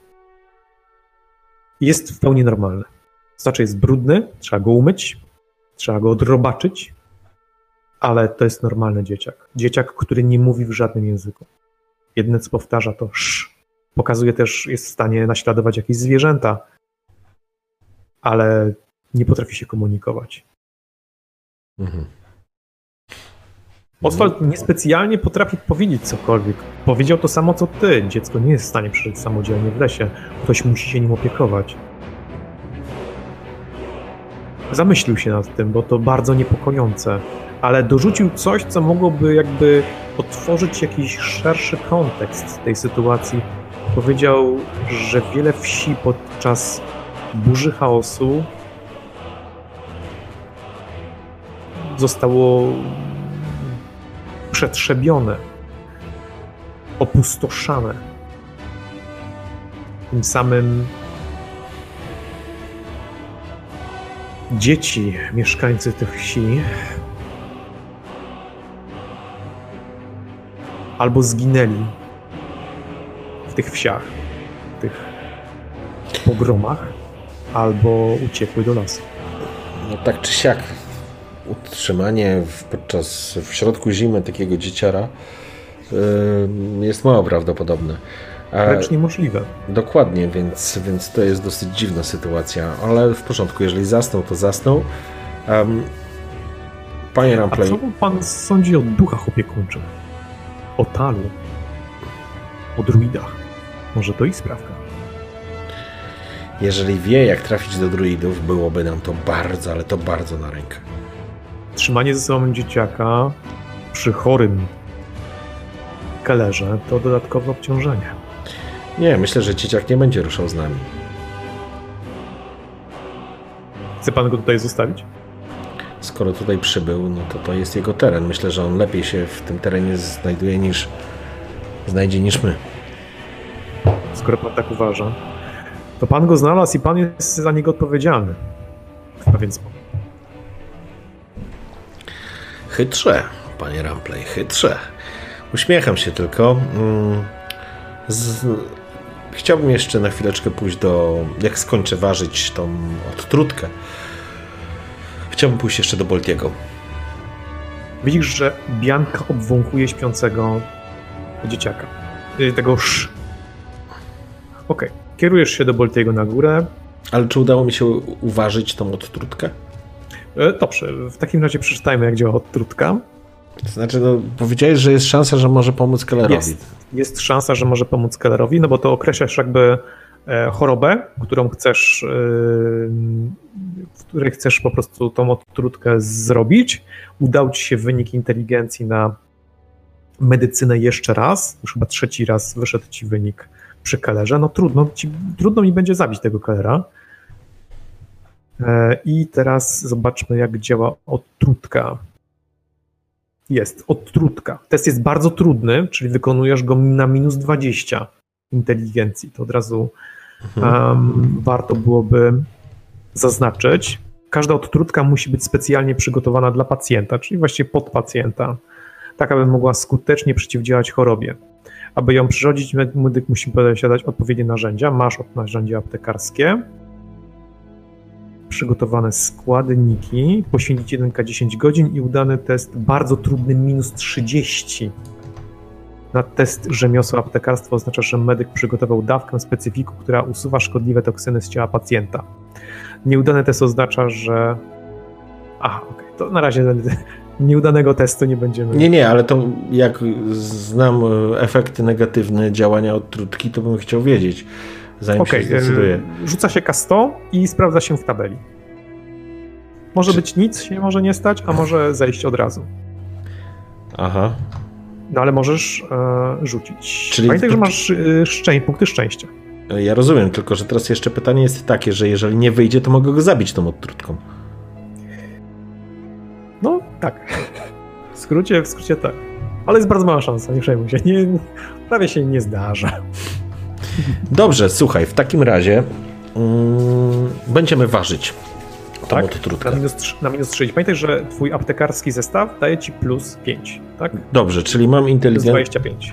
Mam inteligencję, inteligencję mam 50, mam 55, ale tym razem e, wesprzemy się ponownie magią.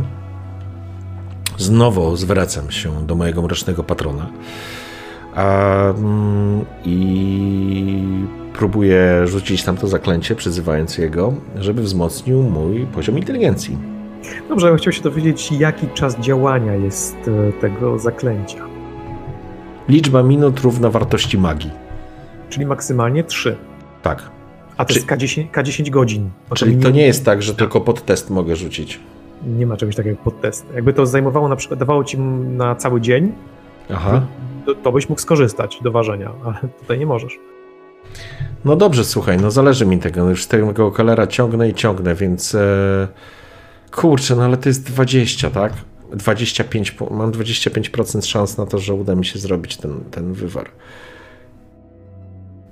No dobrze. Spróbujmy. Mm, dobrze, pamiętaj, że masz jeszcze punkty Szczęścia, ale to daje szczęścia. przerzut, I nie? teraz tak, ustalmy fakty. Niezależnie od tego, jaki będzie wynik drugiego testu, czyli w przypadku gdybyś zużył punkt szczęścia, musisz go zaakceptować i podajesz tą odtrutkę Kellerowi, niezależnie jak pechowo ona by nie wypadła. Rozumiesz? Bo ty będziesz przekonany, że to zadziała. Kurde. No jest to niebezpieczeństwo, nie? No, no wszystko. Masz wszelkie składniki, masz po prostu trochę mało inteligencji, tak? Nie, przy 25 nie będę ryzykował, bo pogorszę jego stan. Ale przy przerzucie masz razem 50%. Przy czym? Jak przy? przy... Przy- Nie, dalej mam razy. 25. Tym razem już nie popełnię błędu matematycznego. Dobrze, słuchaj, nie, nie robię tego. Nie robię E. Idę w takim razie. Mm, Dobrze, do- możesz z ciekawości rzucić, żeby zobaczyć jaki Nie, był wynik? nie. Okej.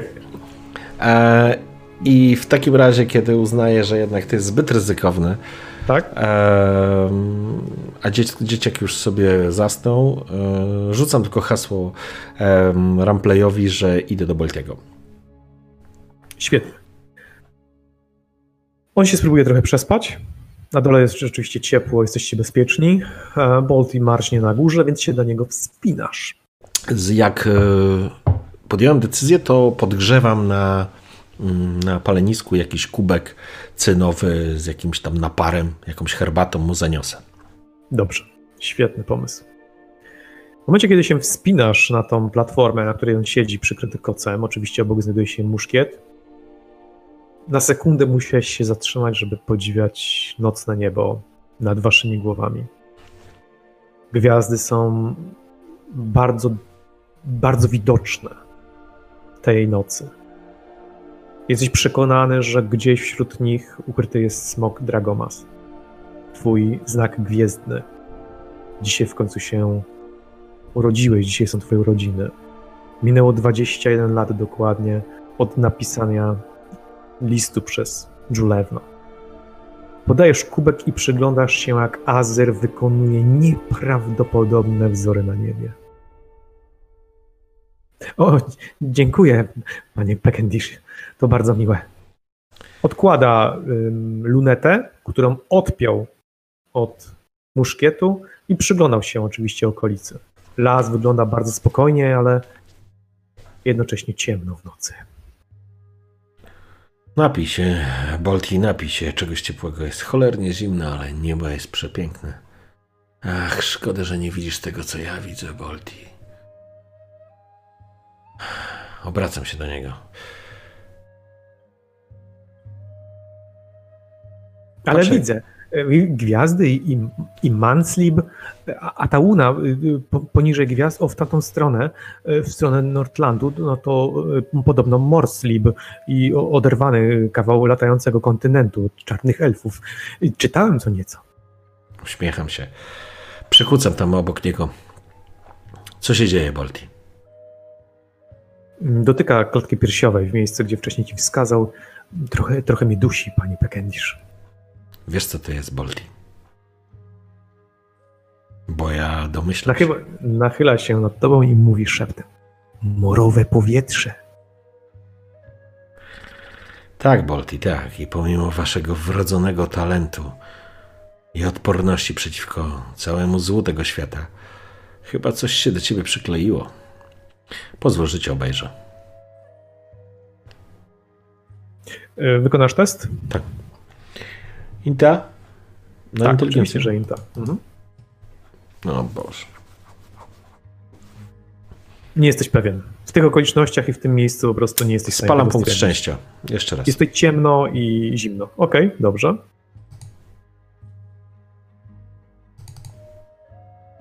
Wyszło tym razem. Dobrze.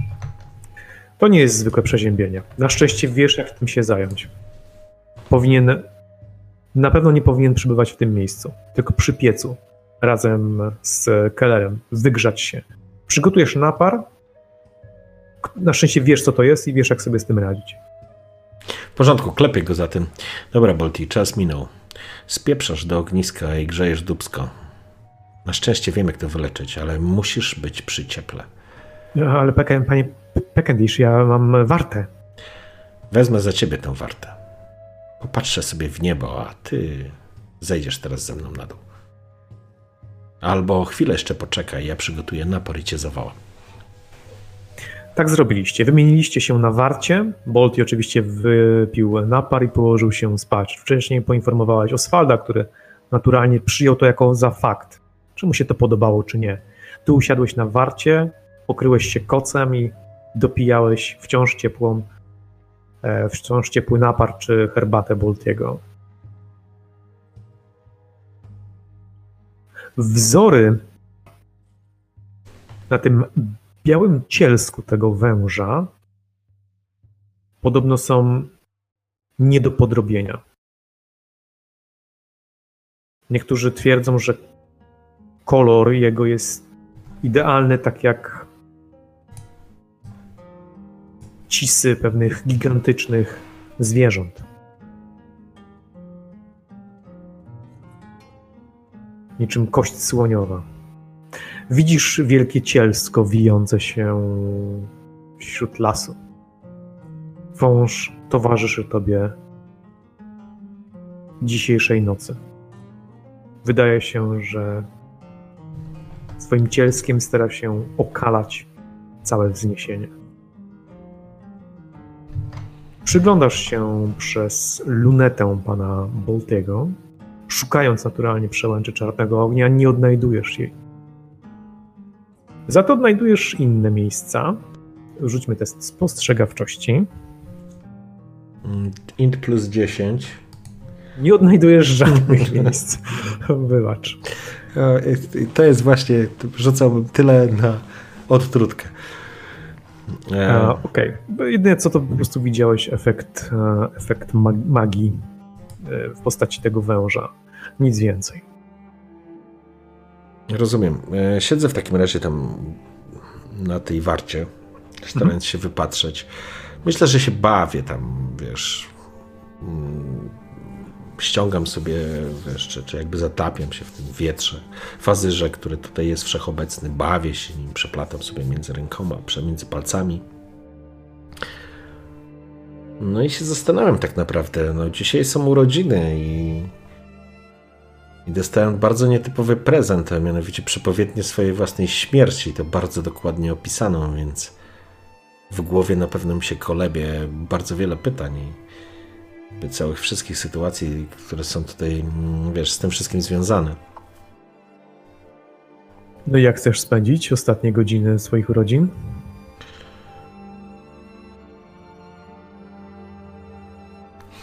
Nie, myślę, że myślę, że po prostu faktycznie siedzę na tej warcie. Faktycznie siedzę na tej warcie i domyślam się, że tam może nawet przeglądam sobie jeszcze raz, wiesz, przy tym świetle księżyca zapisy tego listu i tę informację w postscriptum napisaną przez tego dziadygę. odnośnie wyboru, odnośnie kogo wybiorę i zaczynam się zastanawiać, co miał na myśli, szukając jakby, jakby najprostszych nawiązań. Jakieś pomysły? No, nic szczególnego tak naprawdę, poza tym, że próbuję e, chyba trochę oszukać przeznaczenie, jeżeli faktycznie ono jest zapisane, choć bardzo wierzę w to, że każdy jest kowalem swojego losu. I nie ma czegoś takiego jak zapisane przeznaczenie w gwiazdach. Ten cały, ten cała niebieska szkoła to totalnie popierdzieleni ludzie, ale Dokładnie, to są kłamcy i szubrawcy. dokładnie. Spojrzałeś na lewo i dostrzegłeś faktycznie lodowe katarakty. To nimi przyjdzie wam zejść. Cholera, nie wiesz jak macie nimi zejść i zastanawiasz się, kto dla was zgotował taki los, ale jeżeli miałeś zginąć, to właśnie chyba tam. Na pewno z końmi nie udałoby się zejść. No jak to kto? Lord Patryk oczywiście. To naturalnie. Nie wiesz, Fantastyczny człowiek. jak to jest możliwe, ale wydaje ci się, że te fale tej rzeki, która gdzieś tutaj musiała się znajdować, zostały, zostały zatrzymane w czasie, bo tak wygląda to. Te fale wydają się wręcz wychodzić e, w niebo, rozkładać się niczym płatki jakiegoś kryształowego kwiatu. Szukasz zejścia naturalnie, jak, jakie można byłoby obrać, no ale wierzysz, że Ramplay je zna. Na szczęście widzieliście sporo liny, gdyby było to niezbędne. Teraz dokładnie widzisz miejsce upadku y, tego wagoniku, stąd jest dosyć widoczne. Mhm. E, Już wiesz, że musiał wlecieć w tą szczelinę i zostać zasypany śniegiem. Nawet ją w tej chwili widać, nie? jak się tworzy te fałdy na śniegu. No, towarzyszy tobie wiatr, azyr, cisza, las. Nie, ni- nic, e, nic nie zamierzam przedsiębrać, więc e, po prostu czekam na koniec swojej warty. Rozumiem. Dobrze, czy w takim razie możemy przeskoczyć przez e, tą spokojną noc, skoro nie chcesz em, nic zrobić? Możesz rzeczywiście na tej warcie coś e, tworzyć, tak? Możesz stworzyć miksturę, jeżeli masz ochotę. Na znaczy, no- przykład trutkę. Nie, o trutki raczej nie, bo, bo, bo to raczej przy moich fantastycznych rzutach to nie, ale e, no chyba mogę te tutaj Ale ważyć. Te... Marcin, Marcin, posłuchaj. Możesz zakończyć cierpienia Mhm. e, Kellera. Ja wiem, że... Czy w jedną, czy w drugą stronę. Uleczysz go, czy uleczysz? No twoja specjali- specjalizacja. Nie, nie, irytujące jest to, że jeszcze go nie udało ci się wykończyć, więc, więc nie, nie, nie. Nie, nie, naprawdę 25% szans to jest żadna szansa. Nie, nie, nie będę ryzykował. Okej. E, W połowie mniej więcej nocy zmienił ciebie asfalt, a ty poszedłeś spać. Obudziło cię. Rzuć na siłę woli. Wyszło. Dzisiejszej nocy śniły się tobie dzwoneczki. Twoje rodzinowe dzwoneczki, ale mimo wszystko e, kuglarz błazen nie pojawił się. Za to obudziło cię sz, szczęk zbroi, niezbyt kompletnej zbroi Ramplaya, który zaczął szybko zbiegać po kamiennych schodach semaforu. Mm, No to zrywam się, spoglądam z, wiesz, z pytaniem w oczach. On nie zwrócił na ciebie uwagi, jedynie na e, Boltiego, do którego krzyknął Róg! Bolti przebudził się i szybko wśród swoich wilków odnalazł róg Bawoli, podał go Ramplayowi. Po czym Ramplay zaczął wspinać się po schodach. Z powrotem.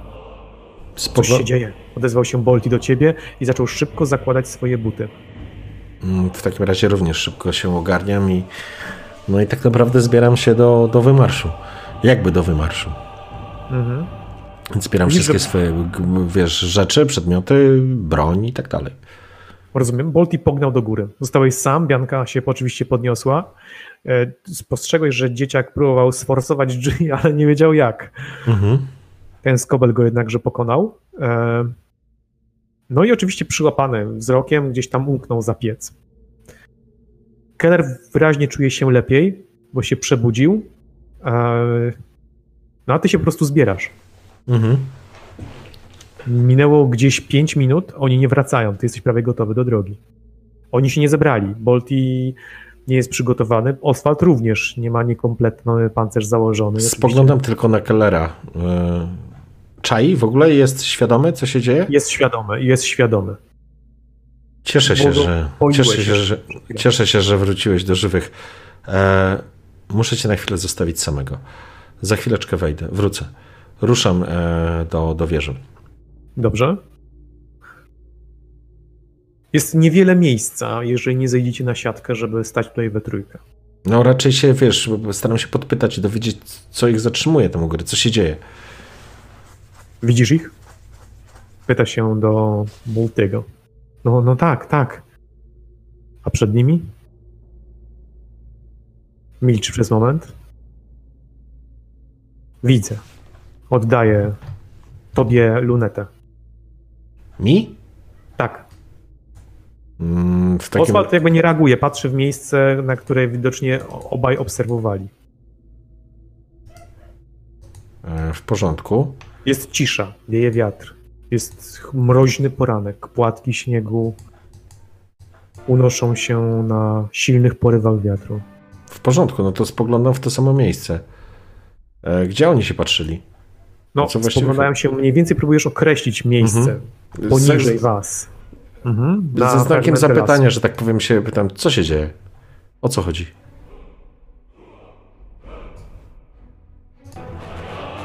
Panie Peckendish, mamy problem, odezwał się Oswald. Co to znaczy? Książę niebawem wjedzie w pułapkę. Kto zastawił tę pułapkę? Oswald wstrzymał się, a ty natrafiłeś. A rzućmy, czy natrafiłeś. Spostrzegawczość. Wyszło. 29. Świetnie. Więc dostrzegłeś trzy rzeczy. Pierwsze, przełęcz czarnego ognia jest przejezdna. Rozpoznałeś się. Jest ona widoczna. Mhm. Na przełęczy czeka na nich zasadzka. To ci sami, którzy was obserwowali. To zwierzoludzie udający zwierzęta. Teraz jednakże ich nie udają.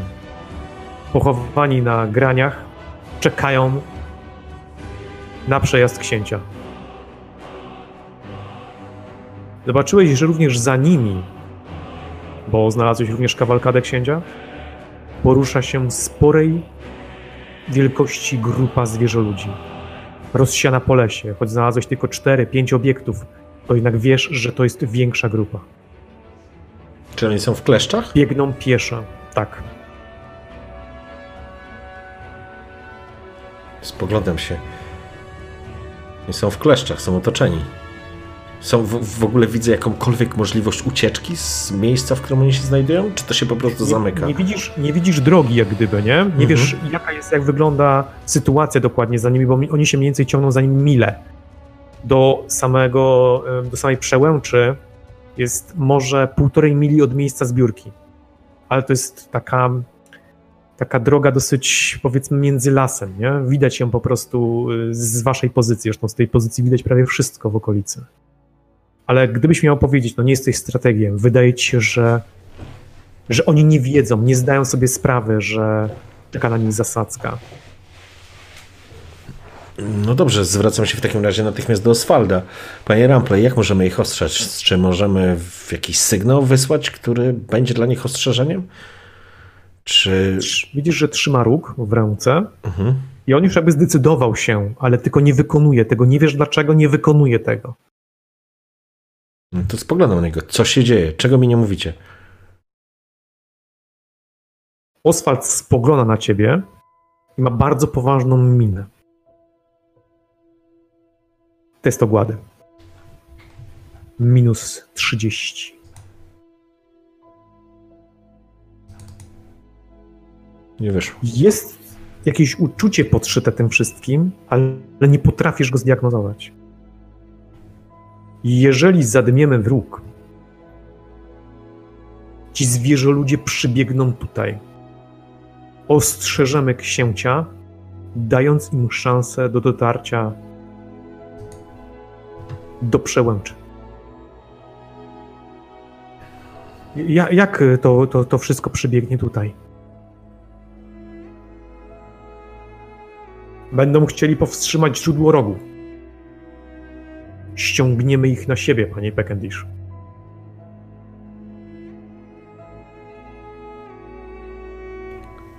Rozumiem. Ale oni, oni są w pułapce, no, musimy ich ostrzec. Spoglądam teraz bardzo, że tak powiem, skupiam wzrok na twarzy Ramplaya. Nie jesteś w stanie wyczytać. Ja rozumiem, ale sam fakt, że on się zastanawia e, i tego nie wykonuje, daje bardzo mocno do myślenia. No, to prawda. Rampley, Rampley odwraca się, spoglądając jeszcze raz, odbiera tobie lunetę i spogląda na sytuację. Czy jestem może, jak- się, mo, może się przedrą? Zapytał się Bolti. Nie sądzę. Jeżeli są nieprzygotowani, uderzenie ich zmiażdży. Musimy nadać sygnał. Tylko nie wiem jaki.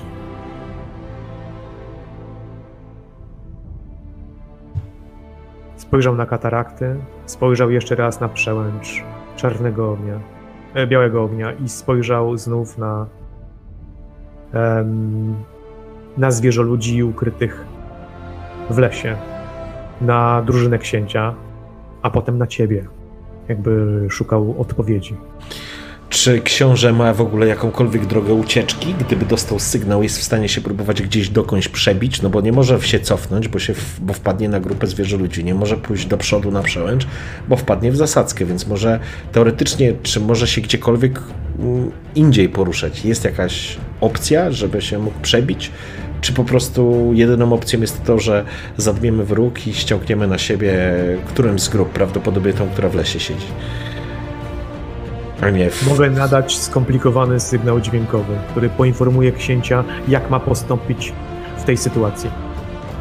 Mogę przekazać mu, żeby ruszył przez przełęcz białego ognia i nie myślał o nas. Ta jest przejezdna. Jeżeli wystarczająco szybko przez, przejechałby przez nią, mógłby ulec zaskoczeniu. Jednakże on zatrzyma się, oczekując na nas w punkcie zbiórki. Dobrze, czyli jeżeli ruszy ostro do przodu, jest w stanie się przebić. Sugerujesz, że jest w stanie się przebić przez zasadzkę, która na niego jest założona, tak? Nie. Zas- Istnieje taka możliwość. Ale to pozostawia nas tutaj. A pan jest ekspertem niezbędnym na Łysej. Dlaczego pan jest niezbędny na Łysej? Nie teraz, Bolty. To długa historia. E, no dobrze. mm. Staram się szybko. No, mamy zdecydowanie lepsze miejsce do obrony jakiejkolwiek, samą twierdzę. To jest jakby jedna rzecz. E, my mieliśmy ruszyć katraktami, tak? Pokazuję ci palcem, gdzie one się znajdują. I pokazuję ci punkt zbiórki pod wami. Mniej więcej dwie mile w sumie. Porządku, to. Hm.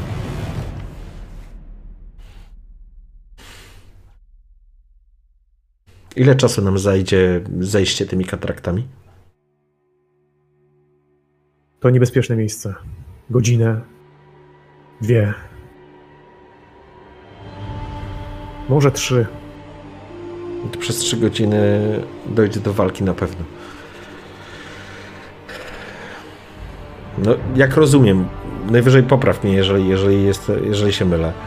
Jesteśmy teraz w twierdzy. Jeżeli zadmiemy w róg, odciągniemy którymś z grup, umożliwiając e, Patrykowi odejście Dokładnie. e, i ucieczkę. To znaczy no, uniknięcie w pułapki, a my zostaniemy w miejscu, do którego się zbiegną zwierzę ludzie.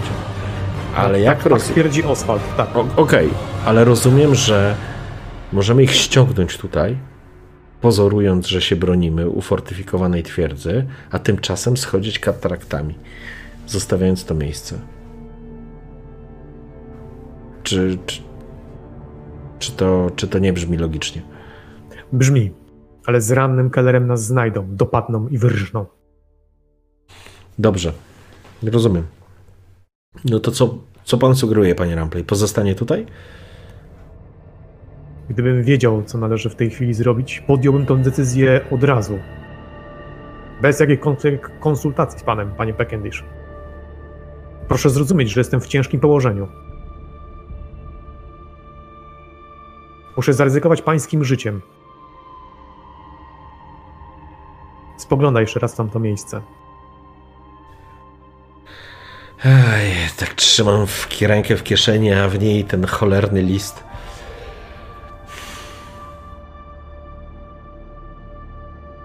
Dobrze, jeżeli wybrałby pan wariant, w którym ryzykowalibyśmy moim życiem, jakby to wyglądało? Po prostu dmiemy w róg i czekamy tutaj, bronimy się Nadaje na informacje o znajdującym się niebezpieczeństwie czyhającym na przełęcze Białego Ognia. Nadaje informacje, że przełęcz Białego Ognia jest przejezdna. I żeby książę nią przejechał. Na pewno w ramach zemsty zwierzę ludzie pójdą za sygnałem dźwięku, odnajdą nas i zaatakują. Mhm. Cudownie. Czy drzwi, które pan wzmocnił, wytrzymają taki atak? Znaczy,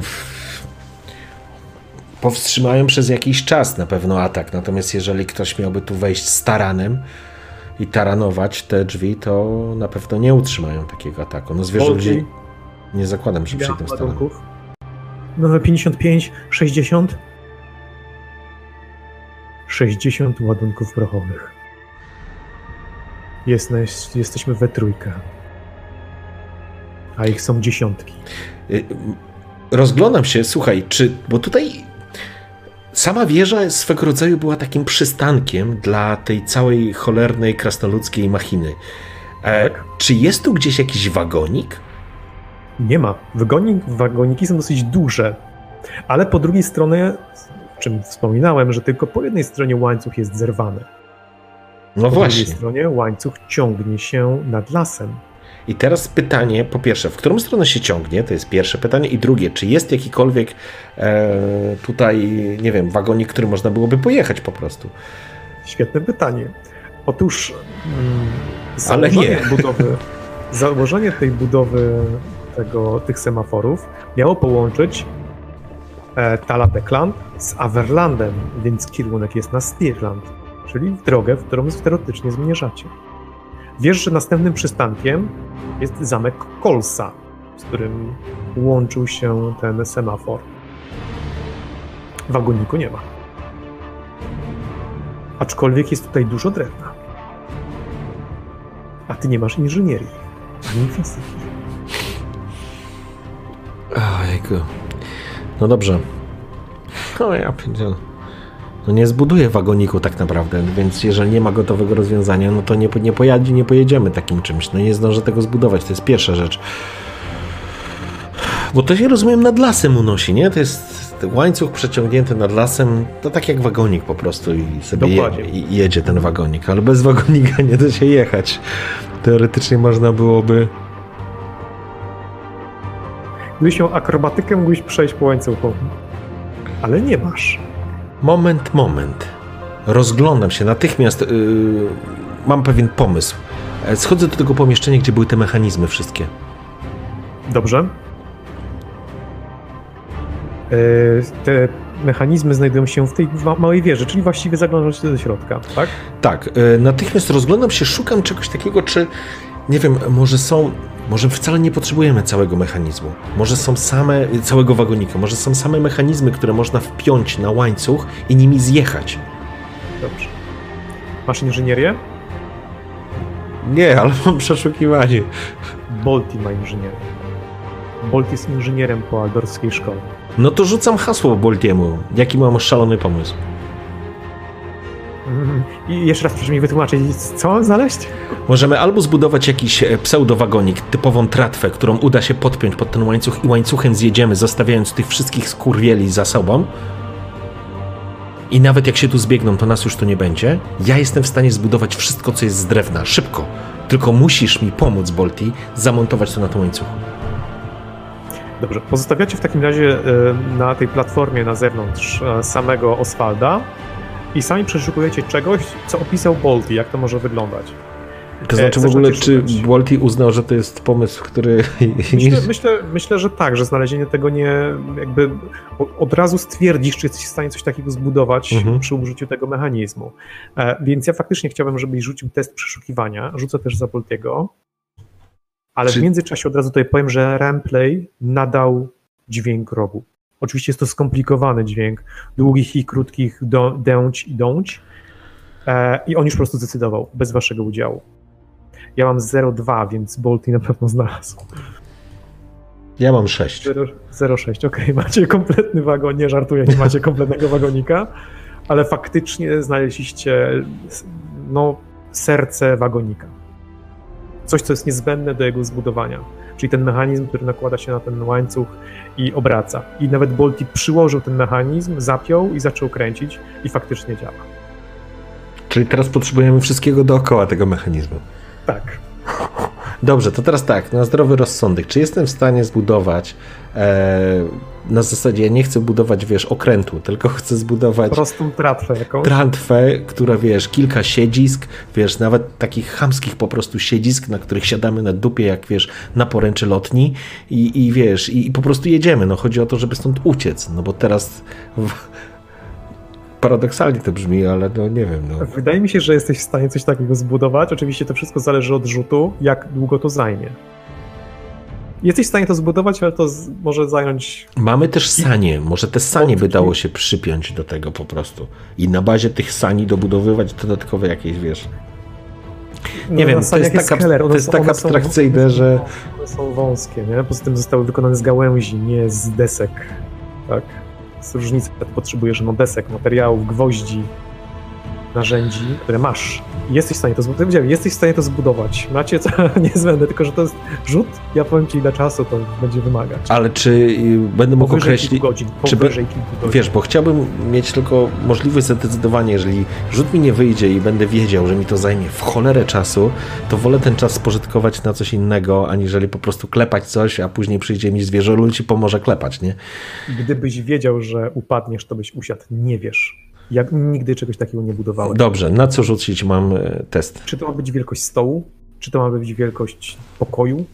Jaki Nie, to ma być wielkość? Słuchaj, to ma być wielkość, która pozwoli e, usiąść, e, podczepić sanie, usiąść mi, czy tam złapać się tego, wiesz, e, pojechać trójce osób, no. Kurwa, jest jeszcze jaki pies. Ciężar to ma, Ja pierdolę. jaki ciężar ma to utrzymać? Piątce osób z dzieciakiem to szóstce. Nie, dzieciaka wypuszcza, on tu zna te tereny, to się sobie poradzi. No tak, banda zwierzę ludzi go nie znajdzie przecież. Może sam jest sobie. A pierdziele, no. no. Dobra, ile, co muszę testować, powiedz mi, żeby... Jaki ciężar ma utrzymać? No, kurczę, no czekaj, no. tony? Tonę?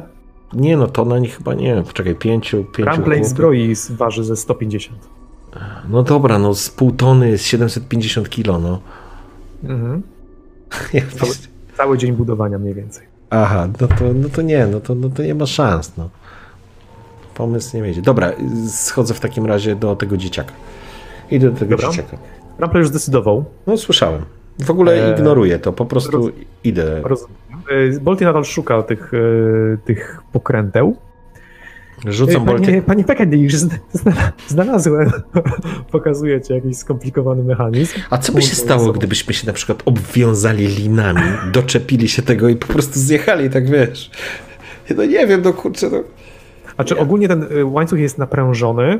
Y, Ten wagonik prawdopodobnie sam się poruszał dzięki jakiemuś albo silnikowi. No to, to jest twoje przypuszczenie, że ten żeliwny kocioł, który tam widziałeś, to po prostu jakiś rodzaj silnika parowego krasnoludzkiego, albo możliwe po prostu, że to była praca rąk, że ktoś obracał jakiś, jakąś korbę i przemieszczał się ten wagonik. Dobra, to już przestaje być istotne, bo ja nie jestem w stanie zbudować nic, co by nas na to zabrało, nie? Więc dobra, idę do tego dzieciaka. Trzeba było myśleć o tym wczoraj wieczorem. Mhm. Tak, bo, No dobrze, W takim e, razie schodzisz na dół, zbiegasz na dół. Pies od razu się podnosi na dźwięk rogu, zaczął szczekać. No dzieciak próbował oczywiście pazurami wyjść przez drzwi, no ale znowu go przyłapałeś, więc uciekł znowu za piec. Panie, panie Pekendish, Co się dzieje? Panie Keller, będziemy za chwilę mieli. To znaczy za chwilę. Staram się oszacować, ile mniej więcej czasu mamy. Zakładając, że tamte bydlaki po prostu ruszą zaraz do twierdzy. E, Pędem człowieka, konia. No, to są zwierzę ludzie, więc na pewno szybciej niż ludzie, ale to muszą przedrzeć się przez las, więc. No, czy Dwie to jest. godziny? Trzy godziny? Cztery? Rozumiem. Kwestia paru godzin i będziemy mieli tutaj wizytę zwierzę ludzi. Po, wyciągam tego dzieciaka z zapieca. Widzisz, że sięgnął pod swoje, pod koc, którym jest przykryty. Sięgnął po miecz. Ten półtorak, który mu towarzyszył. I próbuje się na nim podnieść. Widzisz, że jest bardzo słaby. Panie Keller, panie Keller, proszę jeszcze usiąść. Niech pan nie usiądzie. To naprawdę na tym etapie Miecz- niczego nie zmieni. Miecz zsuwa się, wiesz, tak wyśle, wyślizgiwuje się spod ostrza, podłoga się wyślizguje spod ostrza i on po prostu pada ciężko na sami.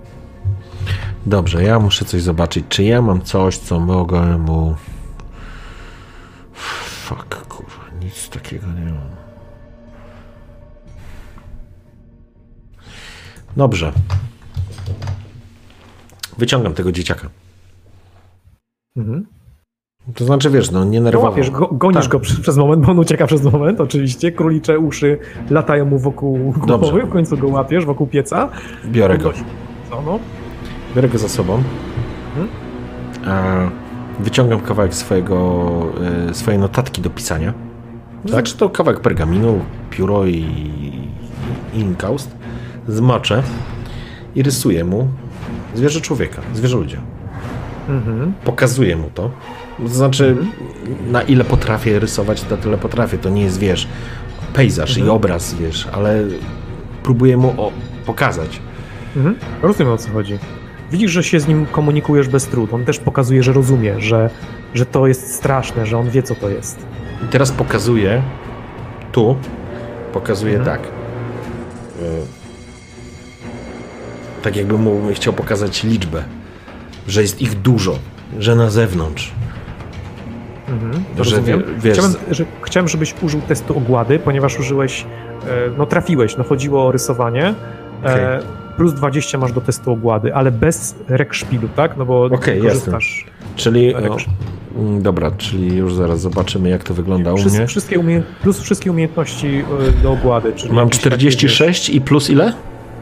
Plus 20 za Dobra, rysowanie. 66 mam. Dobra, to może być nasza jedyna droga ucieczki. 66. 49 wyszło.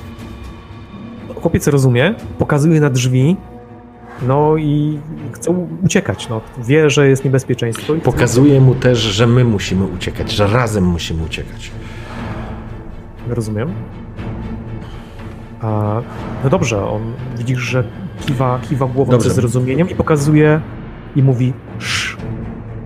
Teraz już rozumiem, co znaczy sz. Eee, czy jest tu Bolti? Przylas? Nie, Bolti nadal szuka... Wołam, wołam do nich. Bolti! Panie Bolti, panie Rampley, natychmiast na dół. Obaj schod zbiegają. Spoglądam na nich. To, co teraz powiem, zabrzmi jak majaki szaleńca, ale to chyba nasza jedyna szansa. Udało mi się skomunikować z naszym sz. Chłopiec zna ten, ten las jak własną kieszeń. Jestem przekonany, on tu żył, on tu przeżył. Być może ma jakichś przyjaciół. Nie jest naznaczony chaosem. Jest normalnym dzieciakiem. Być może jest wybrańcem Tala, trudno mi powiedzieć. Możemy uciekać razem z nim z tego miejsca. I on jest szansa, że nas wyprowadzi. Minęło z jakieś 20 minut, więc mamy z półtorej godziny, może do dwóch godzin przewagi nad zwierzoludźmi, które być może ruszyli natychmiast w kierunku mm, twierdzy.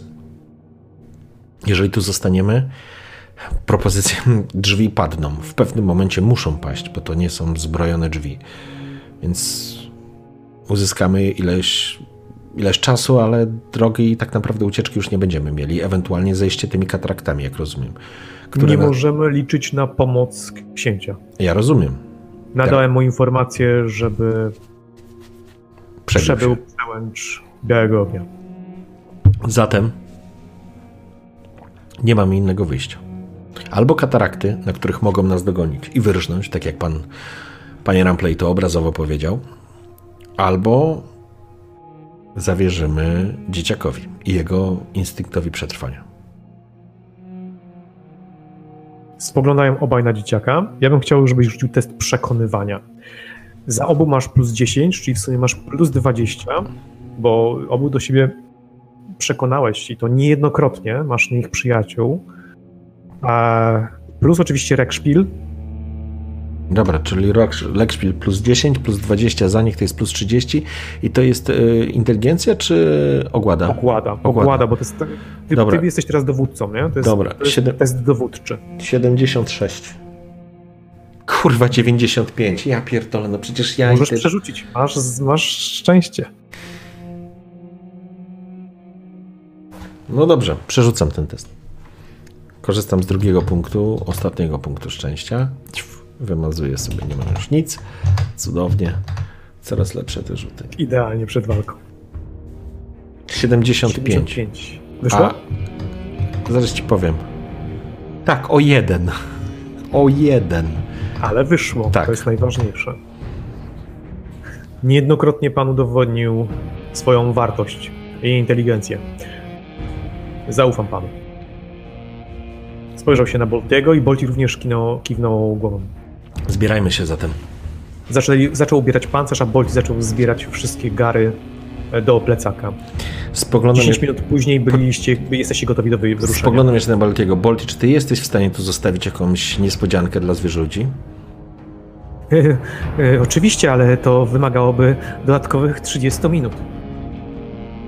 Mamy przewagę nad zwierzę ludźmi, nie traćmy czasu. Poza tym proch może się jeszcze przydać. W porządku. W tym czasie, kiedy oni się zbierali, bo ja już byłem gotowy do drogi, bo się wcześniej tak, zabrałem, byłeś, byłeś, korzystam byłeś. z tego czasu i staram się jakby wyjaśnić e, chłopcu, mhm. co się dzieje. I że my uciekamy wspólnie. Znaczy, on ma 7 lat. Tak. On nie wszystko, nie, nie, nie będzie Ja rozumiem, ale pokazujemy, że my razem wszyscy za nim. Tak. I że zwierzę ludzie przed nami. Jesteście niegroźni, przekonałeś go do swojej osoby, poza tym chłopiec bardzo lubi jak rysujesz e, i no, nie wiesz gdzie chłopiec chce uciekać, ale chce uciekać i jest dosyć zadowolony ze swojego pomysłu. Wiesz co jeszcze robię? Mhm. Bo to jest pół godziny jak oni się zbierają. Biorę chłopca, tak? ze tak? sobą biorę lunetę od y, tego, od y, tak? Boltiego, idziemy do góry, tak. podsadzam tak? go, nawet sadzam sobie go na barkach, pokazuję mu mhm. wcześniej, jak działa luneta. Mhm. Rysując mu, pokazuję miejsca, gdzie byli zwierzę ludzie, żeby widział, w którą stronę, z której strony oni będą szli do, do nas. Świetnie. On dorysowuje do twojej mapy, jakby w ogóle orientując się na mapie, nie wiesz skąd siedmiolatek potrafi korzystać z mapy, ale dorysował balon, który jest zawiśnięty na drzewie. Dorysował jakieś zwierzę, które wygląda na ślepego giganta i dorysował jakąś króliczą norę, bo narysował dziurę i królika. I pokazał ci miejsce, do którego zmierzacie. Czy to miejsce ma jakiś sens w ogóle? W, w sensie, mówię o kierunku. Czy to nie jest miejsce, wiesz, po drodze ze zwierzę ludźmi? To znaczy, myślę, że on rozumie, że z której strony będą w takim razie nadchodzić i raczej nie, nie wyznacza trasy ucieczki do tych do zwierzę ludzi, nie, tylko w drugą myślę, stronę. Że, myślę, że on yy, nie zakłada w ogóle zwierzę ludzi w sensie w swoim planie. Yy, znaczy, on nie zdaje sobie sprawy z zagrożenia, że oni mogą jakby pójść do was. Nie wiesz, czy on dobrze rozumie tą mapę, ale no on po prostu zaczął się bawić z tą w rysunki. Dobrze, liczę, że mimo wszystko, skoro dorysował tą mapę, sprawdzam, spoglądam na tą mapę, staram się, wiesz, znaleźć jakiś punkt orientacyjny. No i cóż, no pół godziny myślę, że minęło i heja, no, uciekamy stamtąd. Rozumiem. W takim razie wychodzicie z semaforu. E, zostawiasz jakieś przedmioty, tylko y, jakby nadmienię, że macie sporo ciężarów na razie nie ma problemu, jest śnieg, możecie jechać saniami. Możesz też spróbować zaprząc psa pod sanie, chociaż nie wiesz, czy mu się to spodoba. Nie, myślę, że nie. Myślę, że pies będzie również jakby dla nas e, elementem ostrzeżenia. Rozumiem. E, od razu powiem ci, że trochę boi się psa, a pies jego nie. Jest to duże jednak zwierzę, które obwąchuje i szczeka na dzieciaka, więc on po prostu no, stara się unikać go. Ze dwa razy się zdążył popłakać. Więc wyszliście w końcu i on skierował się w stronę lodowych katarakt. No dobrze, ruszajmy zatem. A więc powiem ci, jak wygląda sytuacja. Ramplay zbroi. Ciągnie sanie. E, Bolty z Myślę, że plecakiem, mu, pomagam mu ciągnąć te sanie, wiesz. We dwóch to z garnkiem, z naładowaną hakownicą, czyli z tą armatą, którą niesie w dwóch rękach. Ty również ciągniesz sanie z workiem na plecach, z lagą, którą targasz ze sobą. Dzieciak przed wami, pies skaczący obok. Idziecie wzdłuż tej grani w stronę lodowych katarach do, do tego zejścia. Nie wiesz, czy będziecie je pokonywać, czy po prostu je ominiecie, ominiecie, ale dzieciak po prostu wybrał tą drogę. W porządku.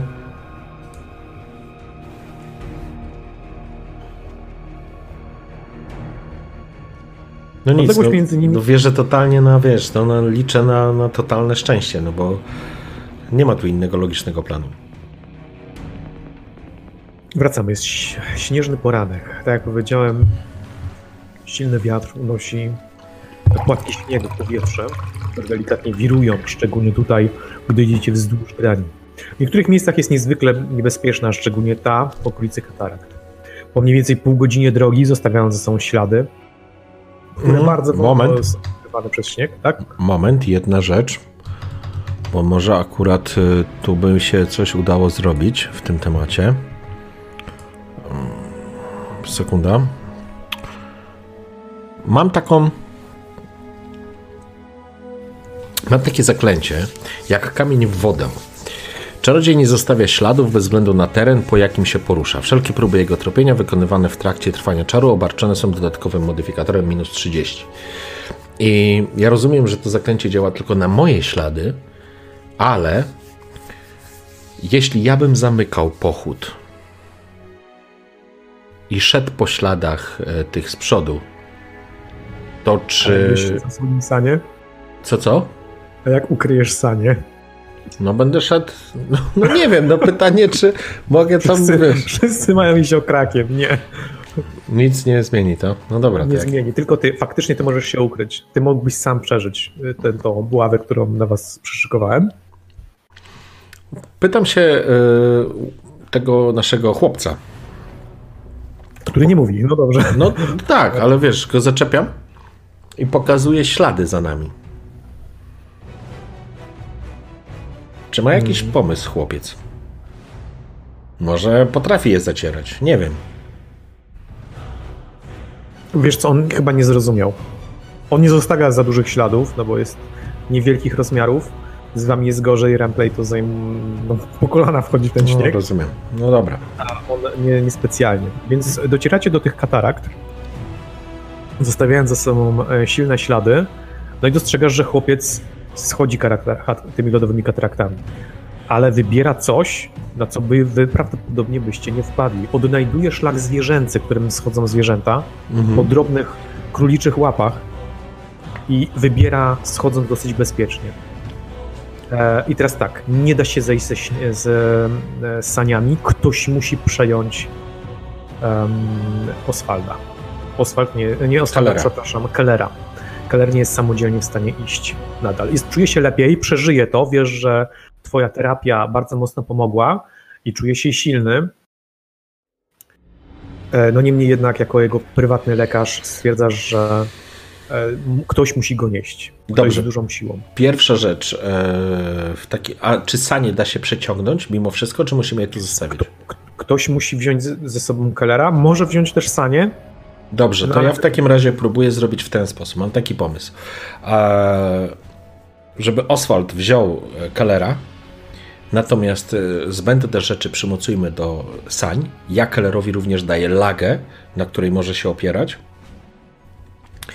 A, Nie będzie w stanie, jeżeli będzie niósł Kellera, będzie musiał go trzymać obiema rękoma, bo on na nie, mu wlezie. a, rozumiem, w ten sposób. Nie, dobra, ja myślałem, Tak. że on go będzie pod ramię czy coś, żeby on tą lagą Nie, mógł nie, sobie nie. On No dobrze, go weźmie na siebie. W takim razie y, wszystkie bety zbędne na sanie przemocowujemy. Oswald musi po prostu, jest najsilniejszy, więc e, powinien wziąć Kellera, a ja z Boltim będziemy ciągnąć te sani. Sanie to jest niepotrzebny ładunek. E, będzie to trudne, bo sanie są dosyć sporej wielkości, przygotowane na to, żeby nieść nie tylko Kellera, ale również jakieś dodatkowe instrumenta. Ciężko ci się rozstawiać z saniami, ale zdajesz sobie sprawę, że, że to jest niebezpieczne ryzyko. Jeżeli weźmiesz sanie, zmusza cię do testu zręczności. Jeżeli nie weźmiesz tych sań, to tego testu zręczności nie będzie. Dobrze, pytanie jest jeszcze takie, czy tu są jakieś górki, których mógłbym spuścić te sanie gdzieś w cholerę? Tak, mógłby się zrzucić na dół. Z, po prostu one mogą się ześlizgnąć na dół. Teraz je pchnąć, zdjąć wszystko, co jest niezbędne i pchnąć. Tyle, że będziesz musiał nieść rzeczy, które wcześniej były na saniach. Czyli prowiant, dodatkowe rzeczy Boltiego, no i jeszcze jedną rzecz. Narzędzia krasnoludzkie. Dobrze. Mm. Sani już nabrały masy, nie? Przez wilgoć, które mają.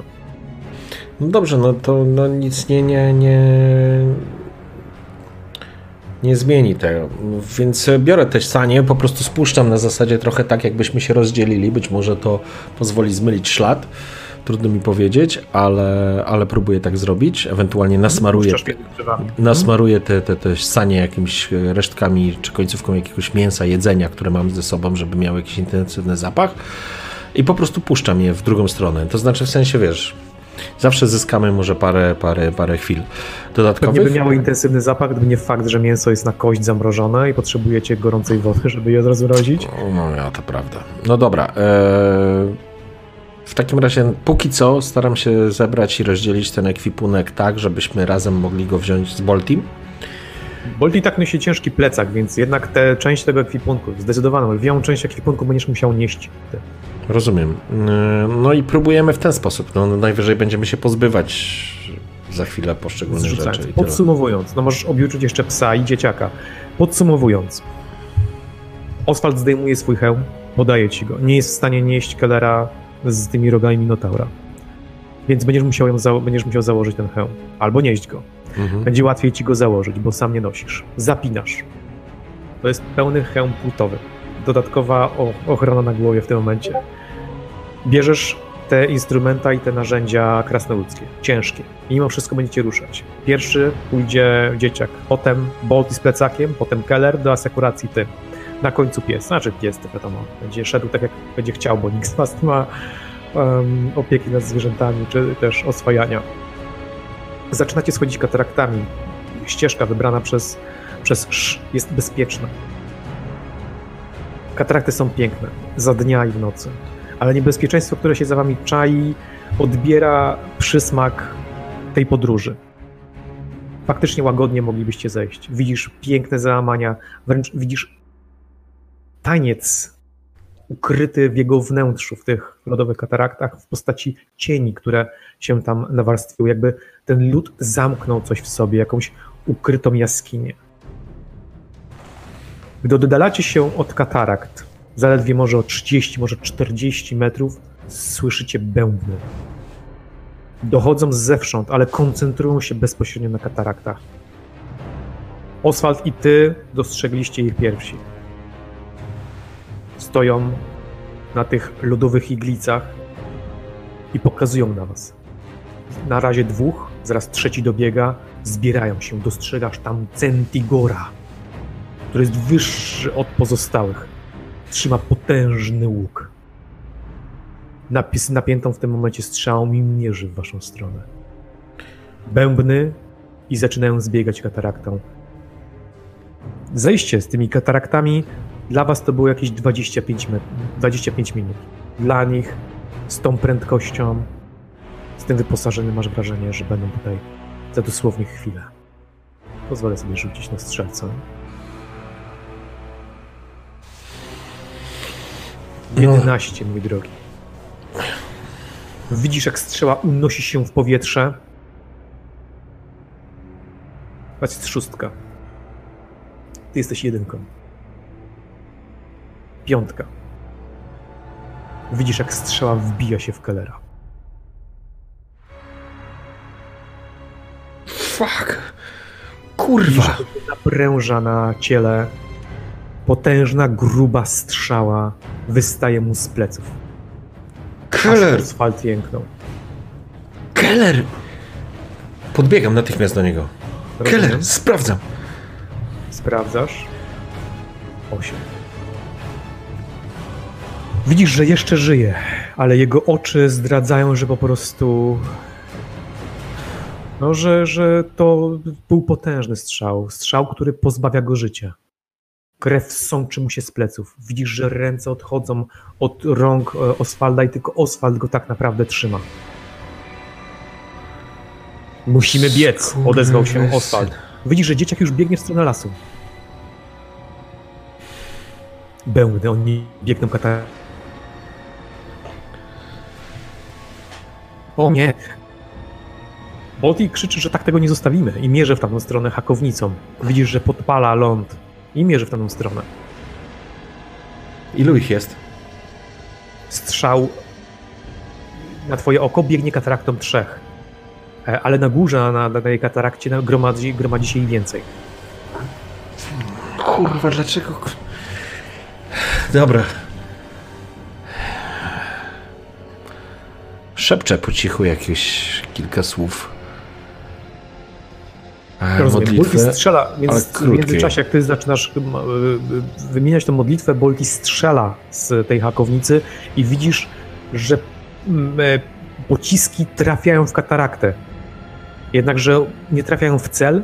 Prawdopodobnie cel zawalenia tej katarakty, uniemożliwienia e, zniszczenia tej drogi, znaczy uniemożliwienia biegu poprzez zniszczenie tej drogi, Boltiemu się nie udało.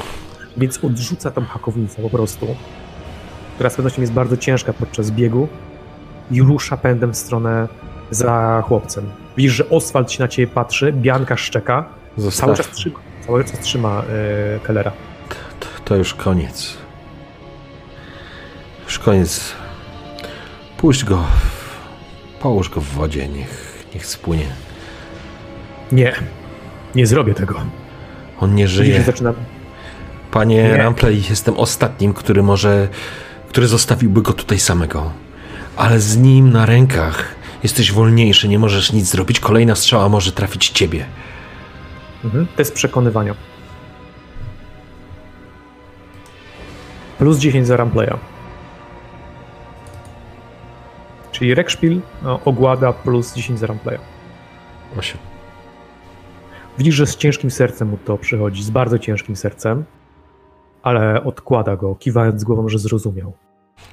Przecieram, Ale- w- wiesz, ręką przekła- przekładam, to ważne, przekładam Kellerowi, kurwa, przez tyle czasu starałem się go utrzymać przy życiu. Skurwysyny, no i przecieram mu oczy, to znaczy zamykam mu oczy po prostu i, i, i, tyle, ściągając od razu hełm, podając e, Rampleyowi. Nadejdzie słodki czas zemsty, ruszajmy, panie Rampley, ruszajmy za tym dzieciakiem, jest jedyną szansą. Podnosi buławę e, z lodowatej ziemi i rusza pędem za pozostałej. Pies szczeknął ostatni raz i zamknął wasz pochód, zamknął wasz Gwizdam, bieg. gwizdam na, na, na Biankę i ruszam za nimi. Kurwa, no. Są już na dole, są za wami, słychać bębny. Śledzą was, biegną. Próbują was osaczyć. Dzieciak jednakże wydaje się wiedzieć, co należy zrobić. Wbiegasz z pozostałymi w otwartą przestrzeń. W nienaturalnie otwartą przestrzeń, tuż obok pnącej się wzdłuż skały, na której zbudowana została warownia świecy. Znaczy tej ściany wzdłuż tej, tego leśnego przeskoku. W ścianie tym jest ziemna, bardzo duża jaskinia. Nienaturalnie wykopana, z której wystają korzenie, zamienione teraz w lód. Dookoła drzewa zostały zrównane z ziemią, ale nie ścięte siekierami ludzkich dłoni, ale bardzo, bardzo silnymi łapami czegoś gigantycznego, co wyrwało najbliższe drzewa i porozrzucało lub je połamało. Jaskinia Dzieciak giganta. biegnie w stronę jaskini. Jaskinia giganta. Cudownie. Dobra, biegnę. To teraz nie ma najmniejszego znaczenia. Bolty biegnie z plecakiem, za nim Ramplay, ty z Bianką. Wbiegacie zaż do ciemnej jaskini. Z wewnątrz słychać chrapanie. Głośne chrapanie. Nie widać końca jaskini, nie widać jego wnętrza, ale cokolwiek wykopało tą jaskinię w ziemi, wykopało to narzędziami tobie nieznanymi. Przypominają one jednak bardzo mocno, bardzo duże dłonie. Wręcz powiedziałbym olbrzymie. Spoglądam na dzieciaka, co on robi. Dzieciak przystaje przy najbliższej ścianie, przykuca przy jakimś załomie. Ktokolwiek, kto kopał, kopał dosyć niedokładnie. Kopał dosyć świeżo. Przysuwa się i sam wkopuje w nie się w niewielką jamkę, niczym królik. No wy się zatrzymujecie obok niego. Bolti bez zastanowienia robi to samo. Ja też. Masz narzędzia. Jest tutaj na pewno niewielka łopata. Dobrze, natychmiast to robię. kucasz i poszerzasz wgłębienie. Po niecałej minucie czy dwóch wgłębienie jest na tyle duże, bo ziemia osypuje się dosyć łatwo, że możecie schować się w jej cieniu. Po około pięciu kolejnych minutach słyszysz bębny, które nagle cichną. Są blisko i nagle w jednej chwili wszystkie cichną. Dostrzegasz kątem oka fragmenty postaci, które nie wychodzą na polanę. Widzisz te łby. Widzisz te bycze i baranie rogi. Widzisz Centigora, który zastrzelił Kellera. Widzisz, jak trzyma łuk. Widzisz Ungory, które wychodzą we dwóch, przykucają, wąchają, liżą ziemię. Mówią w mrocznej mowie, którą gdzieś tam liznąłeś. Mówią o was. Idą waszym tropem. Oto. Ale nie chcą wejść do jaskini. Coś tu głośno chrapie. Coś, co spowodowało, że Malawa się prawie utopił. No ja rzucę na jakiegoś. Czy może macie dojrzy? Jaki masz poziom skradania się? Masz w ogóle jakieś ukrywanie się? Tak, mentalne. Nie mam. Dobra. Nie W mam. takim Nie razie mam. rzuć proszę na swoją zręczność. Na połowę cechy plus e, no za ciemność plus 10, za tą jamę damy plus 10, czyli na połowę cechy plus 10, plus 20. To mam 35%. Proszę bardzo, zobaczymy jak się ukryłeś. Masz, y, masz jeszcze sztukę przetrwania może? Coś takiego? Mm, nie, nie sądzę, ale zobaczę. Wiedzę na temat zwierzę ludzi? Wiedzę na temat y, wielkiego lasu? To wszystko mógłbyś dodać sobie. Nie, takich rzeczy raczej nie mam. Znaczy na pewno nie mam. A nie masz, ty nie masz jakiegoś wędrowca przypadkiem, jakiejś takiej umiejętności typowo leśnej? Aha, czyli wszystko w magii ładowałeś, rozumiem. Dobrze, no to rzucaj. Nie, nie mam czegoś takiego. No to proszę. 31. Wyszło? Ty, no ile było plus y, 20? Tak, tak 35 miałem. Wyszło. Kurczę, jaki Marines. No Dobrze, no to w takim razie świetnie się zamaskowałeś w tej jamie. E, ich zwiadowcy was nie dostrzegli. Czyli ja już nie rzucam na spostrzegawczość. Ich zwiadowcy was nie dostrzegli. Wiedzą, że weszliście do środka, wiedzą, że tutaj byliście, może tak, wiedzą, że tutaj byliście, ale rezygnują z obserwacji tego miejsca. Czyli nie dość, że nie musicie budzić niepotrzebnie giganta jakąś walką albo potyczką, to jeszcze udało wam się ukryć. Dzieciak pokazuje ci, że świetna robota, że jest z ciebie zadowolony. Klepie cię i wiesz, że tego, tego klepnięcia nauczył się od kogoś dorosłego. Albo kogoś starszego. Mhm. Uśmiecham Widzisz, się. że, mhm, widzisz, że Ungor, ten, który był najbliżej, zaczyna odchodzić i dowodzący nimi Centigor również odchodzi, jako jeden z ostatnich. Szukają was, ale was zgubili. Nadal jest dzień, nadal łatwo was znaleźć. Dzieciak zostaje jeszcze przez pół godziny w jamie. Możesz to wykorzystać na coś. E, Gigant jeszcze śpi. Mm. Wiesz co robię? No. Sięgam po kulę O, i chcę spojrzeć przez kulę do warowni.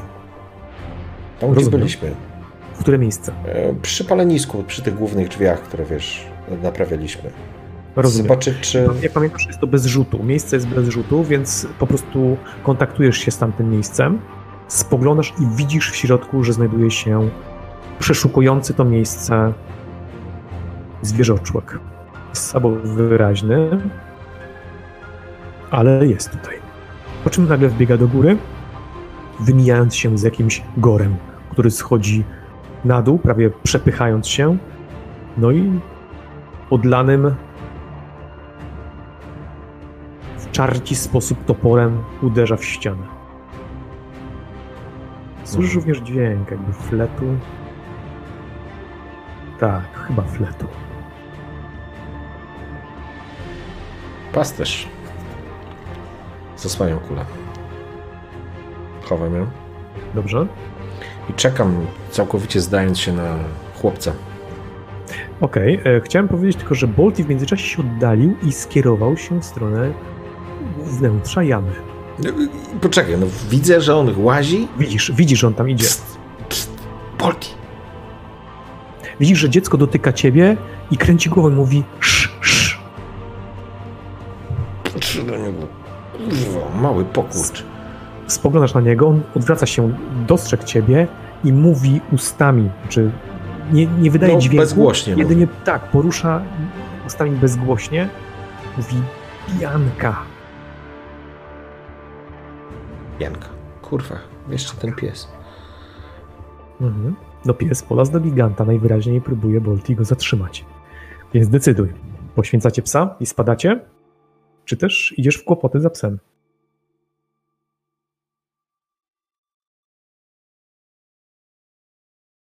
No niestety nie masz żadnej umiejętności, która pozwoliłaby ci trzymać psa blisko siebie. Hmm. Przecież to typu pies. Przed chwilą pozbyłeś się medyka.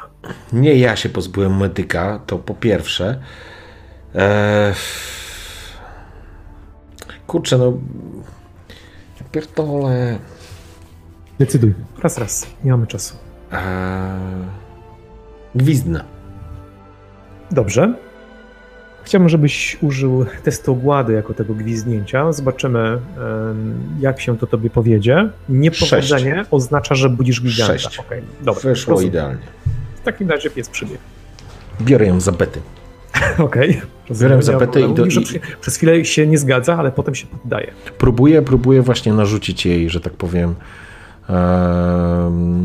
Na zasadzie, wiesz. Tym, tak, tymczasowo się tobie na pewno uda, ale bez tej umiejętności Jasne. albo yy, opieka nad zwierzętami nie będziesz stale mógł wykonywać, czyli za każdym razem będziesz musiał rzucać, żeby jak z, jak z liną, czy w przypadku kuli, nie? Dopóki Czy ona ma, o, czy ona ma obroża? Tak ma. Ale to jest bardzo silny pies, przywiązanie go do siebie to, to będzie samym Rozumiem. problemem. Okej. Dobrze, no to trzymam ją, po prostu dominuję ją i przynajmniej w tym momencie i, i tyle, nie? Pokazuję, pokazuję Ona Boltiemu. bardzo cię lubi, poddaje się dominacji, oczywiście, no bo Daje coś pokazuje ci brawo, Daj coś jej do żarcia, tak wiesz, poklepując, ale wiesz, bez żadnych tam, bezgłośnie. Rozumiem. E, uspokajacie trochę sytuację, bębnów nie słychać i wówczas sz wychodzi z e, ukrycia. Ruszacie za nim Mhm. wzdłuż tej lodowej skarpy, która powoli się kończy, zamieniając się w dosyć rzadkie drzewa iglaste. Jedno pytanie e, Tak? rzucam do Boltiego i do Oswalda, którzy idą. Słuchajcie, a może obudzimy giganta i skierujemy go w, w stronę naszych przeciwników. W tym momencie słychać tąpnięcie. Fuck. Gdzieś daleko. Ale poczuliście je, wszyscy. Co to Pies tąpnięcie? zatrzymał się, wy również. Tąpnięcie, tak jakby d- drżnienie ziemi. Spoglądam na dzieciaka. temu towarzyszący mi, ale nie odchodzący z miejsca, w którym znajdował się gigant. Absolutnie nie tam. Rozumiem, ale spoglądam na dzieciaka. Nie, dzieciak nie zareagował, czy zobaczył, poczuł, że coś jest nie tak i, i szybciej po prostu gdzieś zaczął biec. Ruszajmy za nim, ruszajmy za nim. Wśród niewysokich drzew em, iglastych znajduje się bardzo duża ilość gałęzi. Nie wiadomo przez co nasypana, może przez wiatr, ale wyglądają na nietutejsze, nazwijmy to. Krótko za nimi znowu jest pofalowana bardzo mocno ziemia i duża ilość śniegu. I w pewnym momencie dzieciak spogląda na wysoką część lasu, zatrzymuje się pośród śniegu po prostu, kuca w śniegu, zaczyna w nim kopać i uderza kilkakrotnie w śnieg, który okazuje się być drewniany, bo taki dźwięk wydaje. Nic się nie dzieje, więc on zaczyna sypywać śnieg coraz bardziej i dostrzegasz, że pod śniegiem jest prowizorycznie wykonana klapa. Ktoś Mhm. nie znał się na drwalskiej robocie, ale mimo wszystko klapa działa, bo wstrzymuje śnieg, a z dziur dostrzegasz fragmenty przebijającego się światła. Czy to jest ta królicza nora? Która, to znaczy tak kojarzę po... Mogłoby po... wynikać to z mapy, tak. Znajdowała się Okej. ona za śpiącym gigantem, zgadza się. No Gdy dobra, dzieciak nagle próbował podnieść e, samą klapę, która wydawała się być zbyt ciężka dla niego, nagle spośród śniegów pojawiły się postacie, które was otoczyły. Dostrzegłeś kilkanaście postaci, które wyglądają jak zbiorowisko dzieci. Przepraszam, nie kilkanaście. Widać, że jest tutaj siódemka, siódemka dzieciaków dookoła was. mhm. Jedna, jeden z tych dzieciaków na pewno jest starszy, gdzieś około 18, może 17 lat. Pozostałe są nie starsze jak 10, 11, 12 lat. Wszystkie są poprzebierane albo w króliki, albo w lisy, albo zwierzęta futerkowe, które łatwo w jakiś sposób złapać na jakieś proste przynęty. Uzbrojone są w dzidy, wykonane prowizorycznie, bez żadnych fragmentów stali, poza jednym chłopcem, najstarszym, który widać, że ten las go ukształtował. Trzyma w ręku myśliwski nóż. I na jego twarzy widać dwie rzeczy: determinację oraz przywództwo. Bo widzisz, że jego oczy są niezwykle podobne do oczu, Pat- oczu Patryka. I jest za tych ludzi gotowy umrzeć. Spoglądam się natychmiast w stronę tego przywódcy, podnoszę ręce. Na zasadzie, e, wiesz, żadnych jakichś tam agresywnych ruchów. Widzisz, że podbiega i zasłania was swoim ciałem, rozkładając ręce. Widzisz, że ten coś pokazuje mu, żeby zszedł, ten najstarszy. Pozostałe dzieciaki również chcą, żeby odsunął się. I mówią do niego sz, sz, a on mówi pst, k. I one nie reagują, chcą po prostu, żeby odszedł. Pokazuję im tam, za siebie jakby. Bolty sięga po krucicę. Nie. Pokazuję, wiesz, zatrzymuję e, Boltiego. Ręce, z- ręce z dala od broni. Y, Chcesz, byś jakiś test wykonał, coś robisz? No, staram się, na ciebie, na ciebie patrzy. staram się zwrócić uwagę tego przywódcy. Dobrze? Mm, mówię do niego. Mówię do niego w takim razie, wiesz, po prostu w staroświatowym. Eee, spoglądam na niego i jesteś przywódcą. Nie obawiaj się. Uratowaliśmy go. Dobrze. Zwracam Jest uwagę, czy w ogóle kuma. To jest niezwykle trudny, minus 40. Od, od razu, kiedy otworzyłeś usta i zacząłeś wydawać dźwięki, stał się agresywny. Rzut minus 40 ogłada. Do tego możesz dodać sobie plus 10 za. No to minus 30 tak naprawdę. Ojejku. Tu mam 16 punktów. No dobra. No dobra. Nie wyszło. Okej. Widzisz, że zareagował agresywnie. Ustawił się bojowo. Tupnął, żeby sz- odszedł i ten się po prostu popłakał i odszedł. Ja bym chciał jeszcze jeden test wykonać, taki ratujący. To jest test Bianki. Bianka wskakuje w śnieg przed was i zaczyna szczekać. I widzisz, że dzieciaki się po prostu e, no boją. I to jest test strachu. Wykonujesz test ogłady jakbyś wykonywał test zastraszania z swojej ogłady, no bo ty jesteś jakby właścicielem Bianki w tym momencie. Mhm. Czyli, czyli co, mam ogładę 46 i Tak. to jest moja to jest szansa, tak? test zastraszania, tak, test zastraszania Bianki. Dobrze. 11, wyszło. No powiem ci, że wszyscy, łącznie z tym starszym chłopcem, po prostu zamarli. Pies szczeka i on rządzi w tym momencie. Przykuje wszystkich dookoła. No i Wiesz, co zaczynam robić? wykorzystać. Spoglądam się na tego, na tego chłopca i nie mówię, zaczynam warczeć. Zaczynam warczeć. Mhm. Rozumiem, Jak jakiś szaleniec trochę, ale starając się naśladować faktycznie zwierzęce, wiesz, e, próbuję go zdominować, mówiąc Mhm. wprost. Wiesz, co jeszcze robię? Rzucam zaklęcie.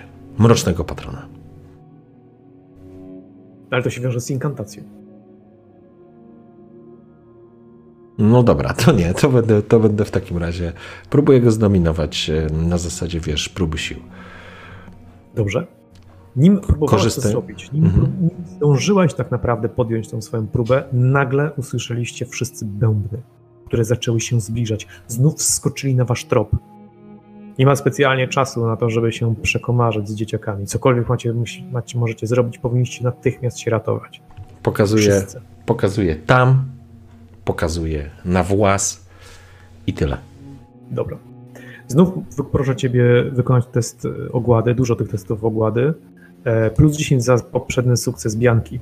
Plus 10 40, za- 49, jeżeli nic mi nie masz odejmujesz, Nie, masz, nie, nie ma minusów. no to wyszło, bo mam 46 plus 10. Dopóki się nie odzywasz. Dosłownie kilka minut później już jesteście wszyscy w króliczej norze. Jest tutaj ciasno, jest wilgotno, jest wykopana rękoma, jest tylko kilka elementów podporowych nad ten prowizoryczny strop i właściwie jest to mm, jest to po prostu ziemianka, którą zbudował ten najprawdopodobniej najstarszy chłopiec. Ziemianka wykorzystywana przez myśliwych, wykorzystywana do składowania różnych rzeczy nie dla mieszkańców. Nie, nie to, żeby w niej mieszkać, zimować i tak dalej. Mhm. Jest tutaj miejsce, jest bardzo mocno zaczadzone, oczadzone są ściany, zresztą dzieciaki również są oczadzone. Pewnie nie jeden z nich jest chory, ale żyją w tych warunkach. Wszyscy jesteście w środku, są zamknięte e, w tej chwili te, te wrota, przysypane śniegiem. Jest ciemno. Słychać, że ktoś łazi na zewnątrz, szukają was. Nikt się nie odzywa, jest cisza. Tylko Staram, kontroluję psa, staram się kontrolować psa na tyle, go zajmować, żeby przypadkiem nie zaczęła szczekać albo coś takiego, nie? Mhm, rozumiem. Minuty zamieniają się w godziny. Kiedy bębny cichną, wszyscy zaczynacie sobie, się sobie przyglądać. Ramplay nie, absolutnie nie uważa dzieciaków za jakiekolwiek zagroż- zagrożenie. Kiedy próbował się do ciebie odezwać, porozmawiać przez moment, tak, pokazałeś mu, żeby tego nie robił. Wszyscy jednakże zwracają uwagę na szczeknięcia Bianki, która jest w środku i terroryzuje wszystkie dzieciaki wewnątrz. Wszystkie są żywo przerażone. Jedyną osobą, która wydaje się stąpać twardo po nogach jest ten najstarszy chłopiec.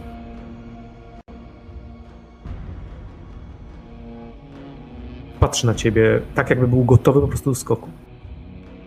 W każdej chwili oddać życie za te dzieci.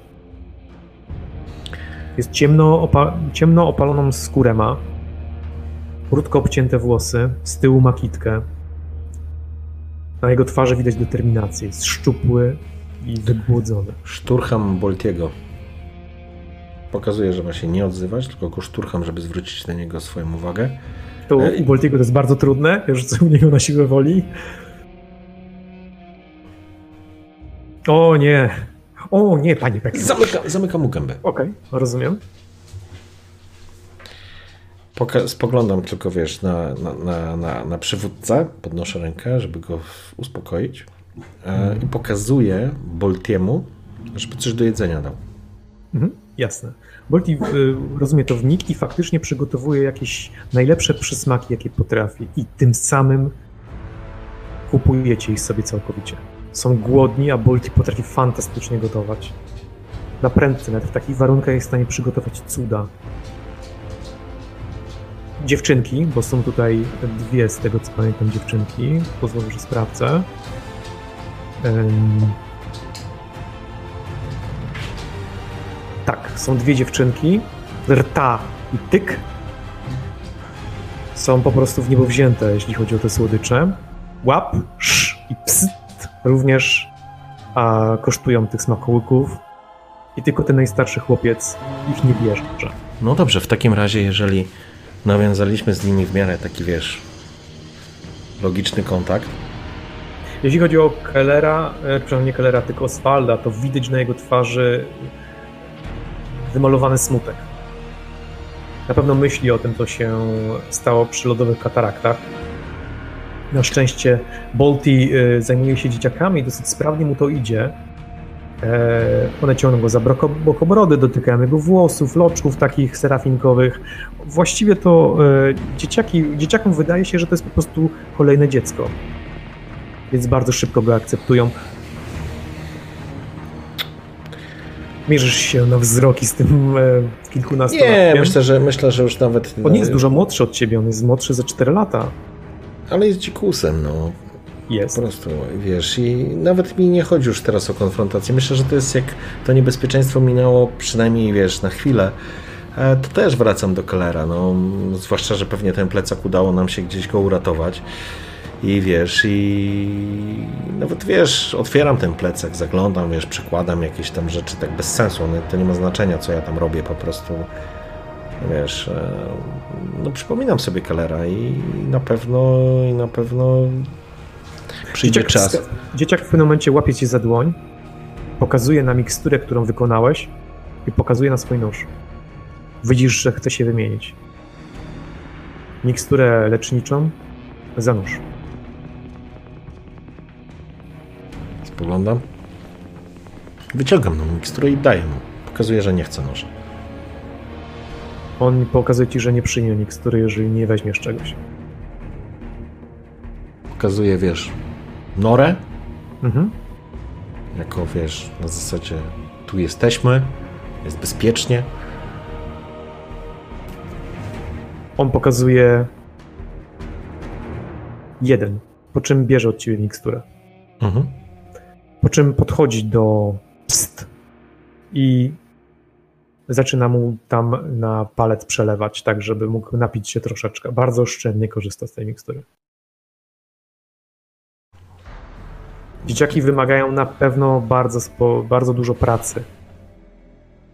Nie mają domu, są zziębnięte, na pewno ranne i chore. Ale wy macie, nie macie absolutnie na to czasu. Zostaliście odcięci od waszego lorda. Nie wiecie, gdzie oni są, czy nie potrzebują pomocy. Straciliście właśnie człowieka. Ty o tym zadecydowałeś. O niczym nie zadecydowałem. Zadecydowałem. Spoglądasz jeszcze raz na list, czytasz ostatnie, czytasz ostatnie słowa i masz dziwne wrażenie, że, że, że list wiąże się z tym, co się właśnie wydarzyło. Tam pierdolenie głupot starego głupca z Autodorfu. Dorwę go kiedyś. Nie, słuchaj, to znaczy totalnie, jeżeli chodzi o Otta, znaczy przyjdzie czas, żeby wiesz, opłakać śmierć Kellera, ale no nie, no to jest taki moment, w którym po prostu no siedzimy, czekamy. Jeżeli mogę czymś się zająć, to się zajmuję raczej bezmyślnym czymś tam, ewentualnie jeżeli ktoś mnie o coś zapyta, albo, albo poprosi, albo cokolwiek innego, nie, no bo tymi dzieciakami na pewno się nie zajmę, bo, bo nie ma na to czasu i miejsca, i środków. Rozumiem. Jeżeli jest coś, co mogę zrobić, wiesz, jest ranny, czy coś, zrobić jakiś opatrunek, czy coś, to, to tak, ale, ale nie na zasadzie, że mam misję teraz zbudowania domu dziecka, nie?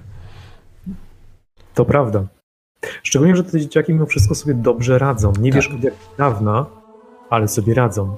Dodatkowo na tych palikach widać, że coś one zaznaczają. Są to rysunki, które możesz spróbować odczytać.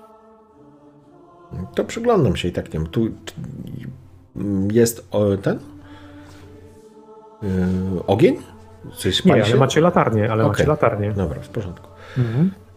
E, Zapalasz latarnię, wiesz, że dzieci są oswojone z ogniem, e, po czym rzuć test na czytanie i pisanie.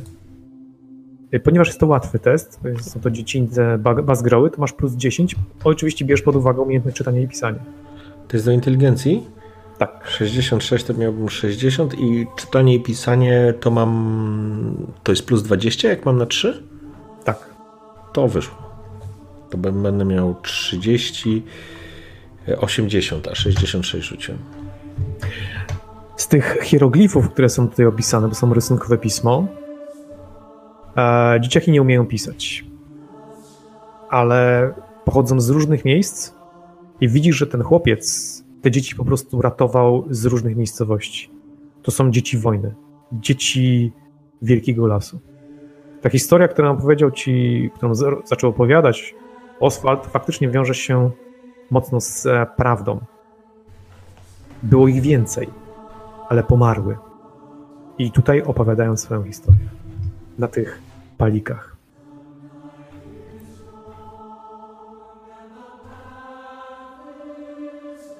Każdy zostawia swoje łapki odciśnięte i takie tam.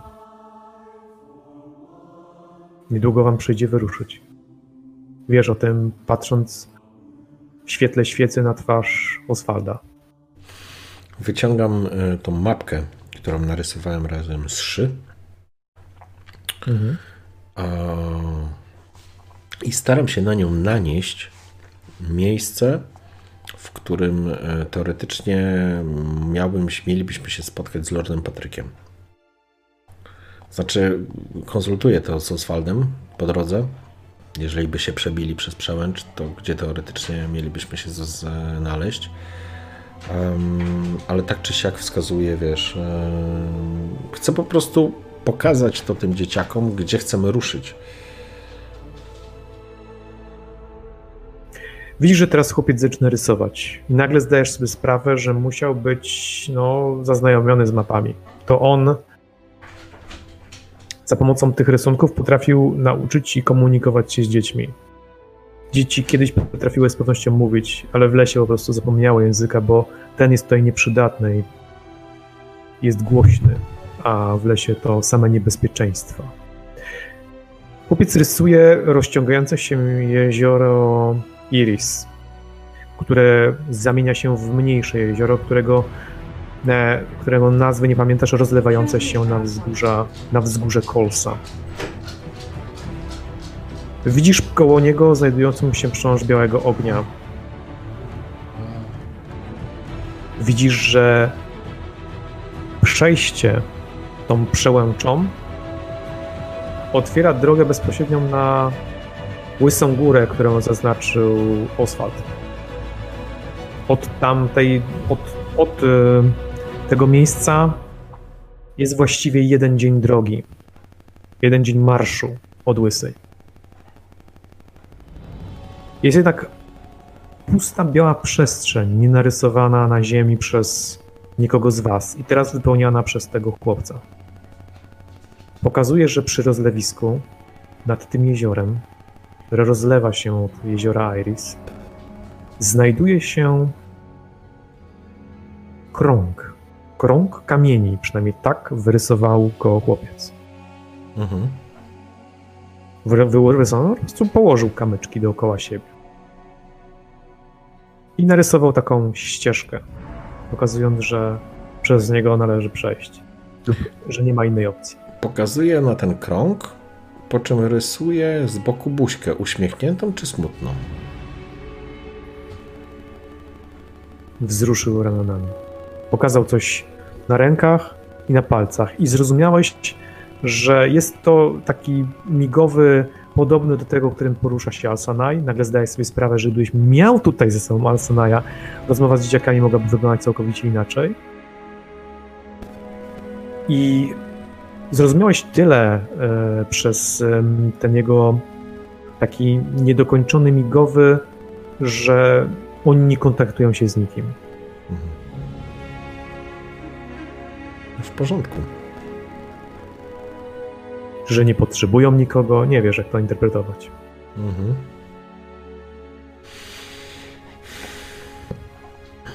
No dobrze. Mm, Słuchaj, no w takim razie chyba wszystko jest jakby już tutaj jasne. E, Staramy się ustalić z Oswaldem, czy ruszamy za dnia, czy w nocy.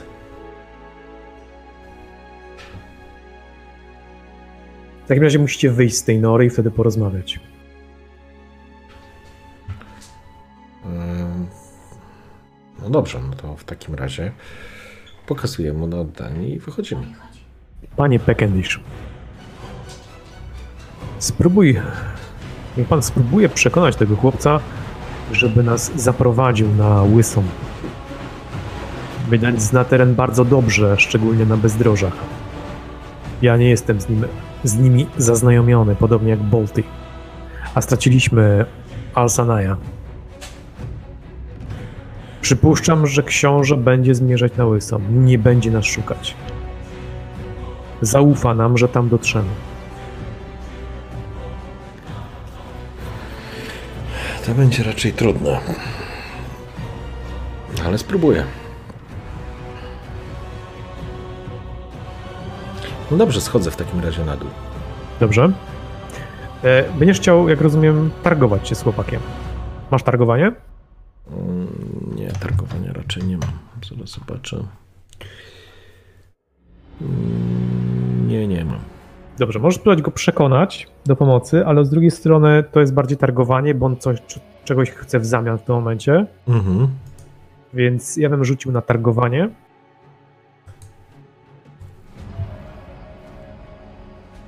E, Czyli na połowę cechy, nie? E, Ogłada i na połowę cechy. Ogłada. No to mam 23%, że go przekonam. Raczej ż- słabo to wygląda. Mhm. Mm, No dobrze, ale. Bo ja z tym, z tym przywódcą powinienem to rozmawiać, nie? Nie, nie mogę z tym. Tak. Dobra, No nie, nie, on, oni tam nie mają nic do powiedzenia, dopóki jest przywódca. okej, dobra. No to rzucamy. 9. Ha! Dobrze. W takim razie udało ci się wymienić jakieś podstawowe produkty, które nie są wam aż tak potrzebne. Przede wszystkim żywność, jakieś e, linę konopną, no jakieś takie rzeczy, które są im niezbędne. Pozwoli, pokazałeś, że w przeciągu tam godziny czy dwóch umocnisz ich schron, ocieplając, no bo świetnie się na tym znasz. E, biorąc siekierę po prostu masz te narzędzia. Może jakiś fragment krasnoludzkich narzędzi możesz im zostawić. To zależy tylko od ciebie, coś, co może im się przydać do przetrwania. Mhm. Więc e, jakąś żywność plus modernizację tego miejsca, w którym oni są, i następnego dnia będziecie ruszać, i on zaprowadzi was e, nie tyle co do na samym łysą, ale obiecał, że zaprowadzi was bezpiecznie do druidów.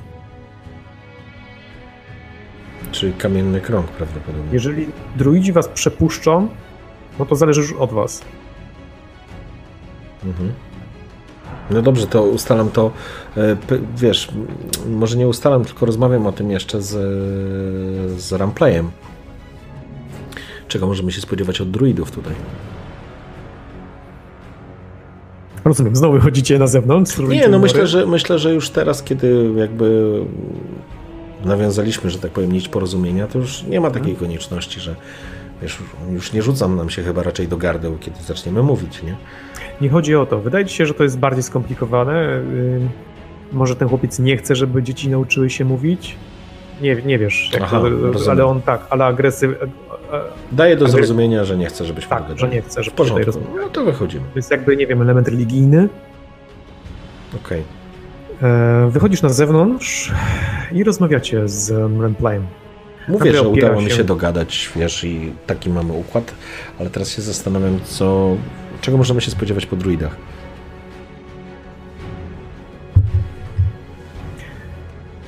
Musiałby pan poznać całość historii dotyczącej druidów na tych ziemiach.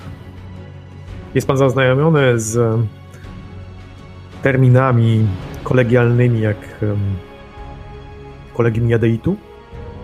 Niespecjalnie. A więc druidzi, nim powstało kolegium, mieli swoje dwa silne obozy. Jedne znajdujące się na bursztynowych wzgórzach nad Altdorfem w Reiklandzie i drugą, dużo silniejszą grupę mieszkańców Wielkiego Lasu. Towarzyszyła im stara wiara.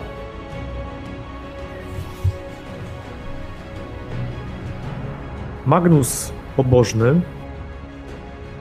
ustalił, zmusił druidów do przystąpienia do kolegium. To oni stworzyli odłam kolegium bursztynu i kolegium jadeitu. Jednakże duża część z nich nie zgodziła się zaprzestać swoich praktyk oraz życia.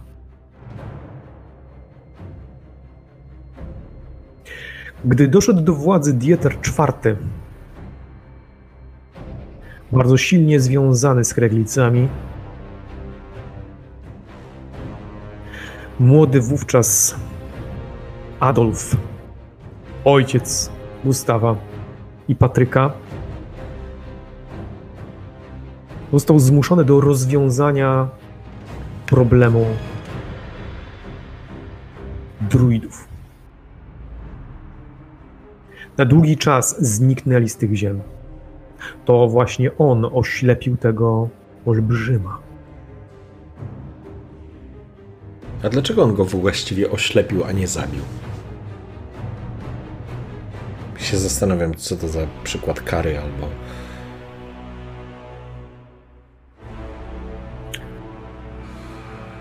Panie Pekendish, nie mnie jakby analizować decyzję Rozumiem. Lorda Adolfa. Podjął taką szkaradną decyzję, a nie inną. Może nie chciał pozbawić życia tej kreatury, może uznał, że jest bardziej człowiecza i życie mu się należy. Ciężko mi stwierdzić, co leżało w gestii ówcześniejszego Lorda Schloss. W porządku. Okej. Jednak po Łysej sytuacja się zmieniła. Przybyli kolegialni i jak sam pan wie, bardzo wiele rzeczy zostało zatuszowanych i zamaskowanych. Brali w tym udział rycerze świętego zakonu Sigmara, jak i inni inkwizytorzy. A na ziemię powrócili druidzi na prośbę Gustawa. No to akurat dobra część historii. Bo oznacza, że możemy liczyć na jakieś wsparcie. Skoro Gustaw ich zaprosił z powrotem. To dzicy ludzie, którzy nie lubią mieć kontaktów z nami, z mieszkańcami miast i zamków. Rzadko kiedy kontaktują się z kimkolwiek we wsi. Są legendy dotyczące nich, że są w stanie pomagać ludziom, ale za to, co tutaj się wydarzyło na Łysej, obarczani są druidzi i ich mroczna stara wiara.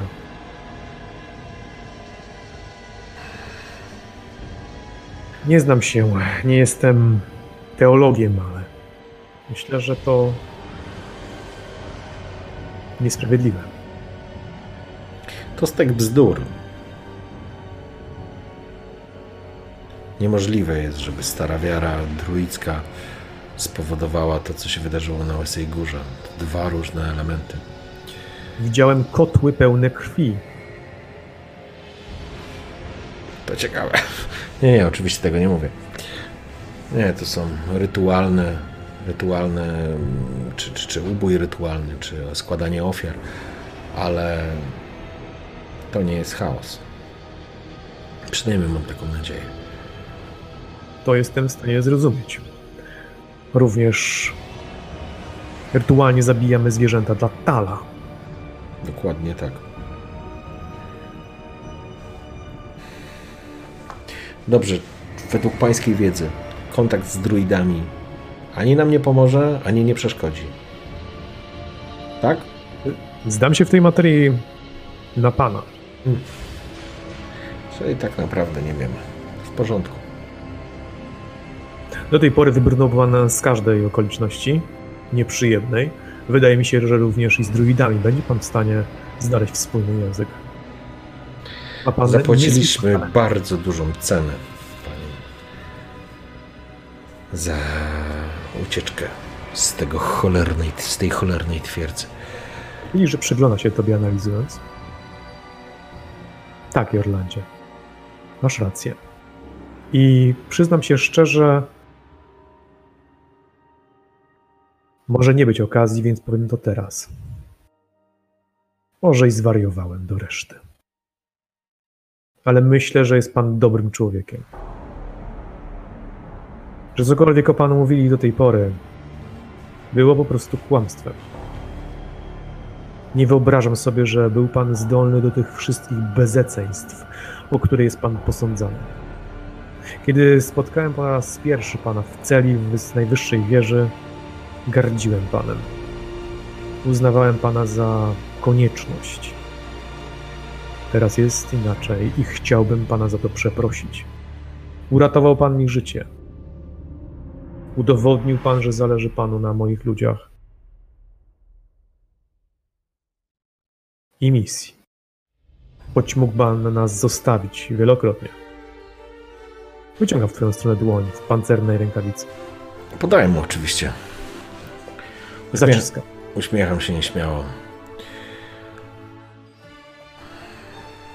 Cały czas mam wiele znaków zapytania. Dalej uważam, że w wielu miejscach ta misja jest szaleństwem, ale, ale cieszą mnie Twoje słowa. I naprawdę zależy mi na tym, żebyśmy wrócili wszyscy cali i zdrowi.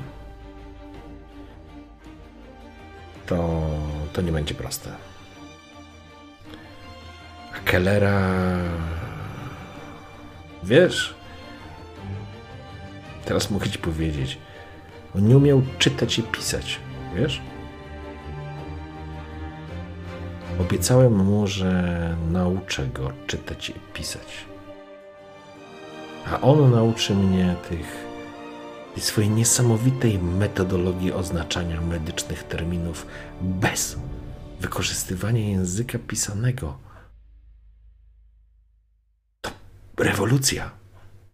To mogła być rewolucja w szerzeniu wiedzy dotyczącej medycyny wśród niepiśmiennych ludzi. Widzisz po jego twarzy, że on nie docenia tego walu tego odkrycia, gdyż najprawdopodobniej sam nie jest pisemny. Rozumiem, panie Beckendish, a przynajmniej tak mi się wydaje. Wyobraź sobie, że możesz przekazać komuś wiedzę bez konieczności czytania tysiąca ksiąg. Wiedzę, która ratuje życie, która leczy ludzi. Ach. To wielka strata. Wciąż to lepsze niż magia. Uśmiecham się. Ale z drugiej strony mogliśmy jeszcze gorzej skończyć. Mogliśmy nigdy tu nie dotrzeć. Ach. Dobrze, ogarnę tą norę jeszcze na tyle, ile się da i jak odpoczniemy, myślę, że możemy ruszać. W każdym razie ten przywódca, nazwiałem go sobie w myślach Piotruś. Piotruś Pan. Tak. Powiedział, że nas doprowadzi. Skoro siedmiolatek uratował nas wszystkich, to myślę, że jego dwa razy starszy kolega bez problemu doprowadzi nas do druidów. Oswald kiwnął głową. Zdał się w tej materii całkowicie na ciebie. Wkraczacie w takim razie w króliczą norę. Zdążysz tam trochę odpocząć po drobnych wzmocnieniach i modyfikacjach tego miejsca. Najciszej, jak potrafiłeś oczywiście. Bolt i Oswald tobie pomagali, ale gdy skończyłeś, udało się tobie poszerzyć to miejsce oraz zwiększyć jego wytrzymałość i utrzymanie ciepła. Zbudowałeś też niewielki komin, w którym będą mogli odprowadzać dym. Na pewno prześpisz się kilka godzin. Na pewno śnić się to, będzie Keller i Centigor, którego zastrzelił. I to, że strzelał do Oswalda, a nie do Kellera. Strzelał do największego. Skąd mógł wiedzieć, że kapitan niesie kogoś? Myślę, że na tym dzisiaj zakończymy. Okej. Jest idealny moment. porządku. Zabiłeś Kellera, jesteś podłą świnią. Nie gadam z tobą. Tyle sesji go. Boże, ile jako sesji, chłopie, kurowałem, żeby go zastrzelił jakiś skurwiały chaosy tam mutant jeden. Jak ja mam zostać tutaj, kurczę, czarno- czarnoksiężnikiem chaosu, jak ja mam ochotę się stać teraz inkwizytorem wypalającym konkol herezji? No ale trudno. Nie, to bardzo duża szkoda, że Keller zginął. Naprawdę. No ale cóż. No szkoda. Pierwszy. Dzięki piękne. Dzięki również, bardzo fajnie się grało. Bardzo fajne pomysły miałeś, naprawdę świetne miałeś pomysły do realizacji. Bardzo mi się podobały rzeczy, które zostawiłem dla ciebie i widziałem, że z nich korzystasz. To było świetne, bardzo mi się podobało, jak myślałeś i wymyślałeś różne rozwiązania.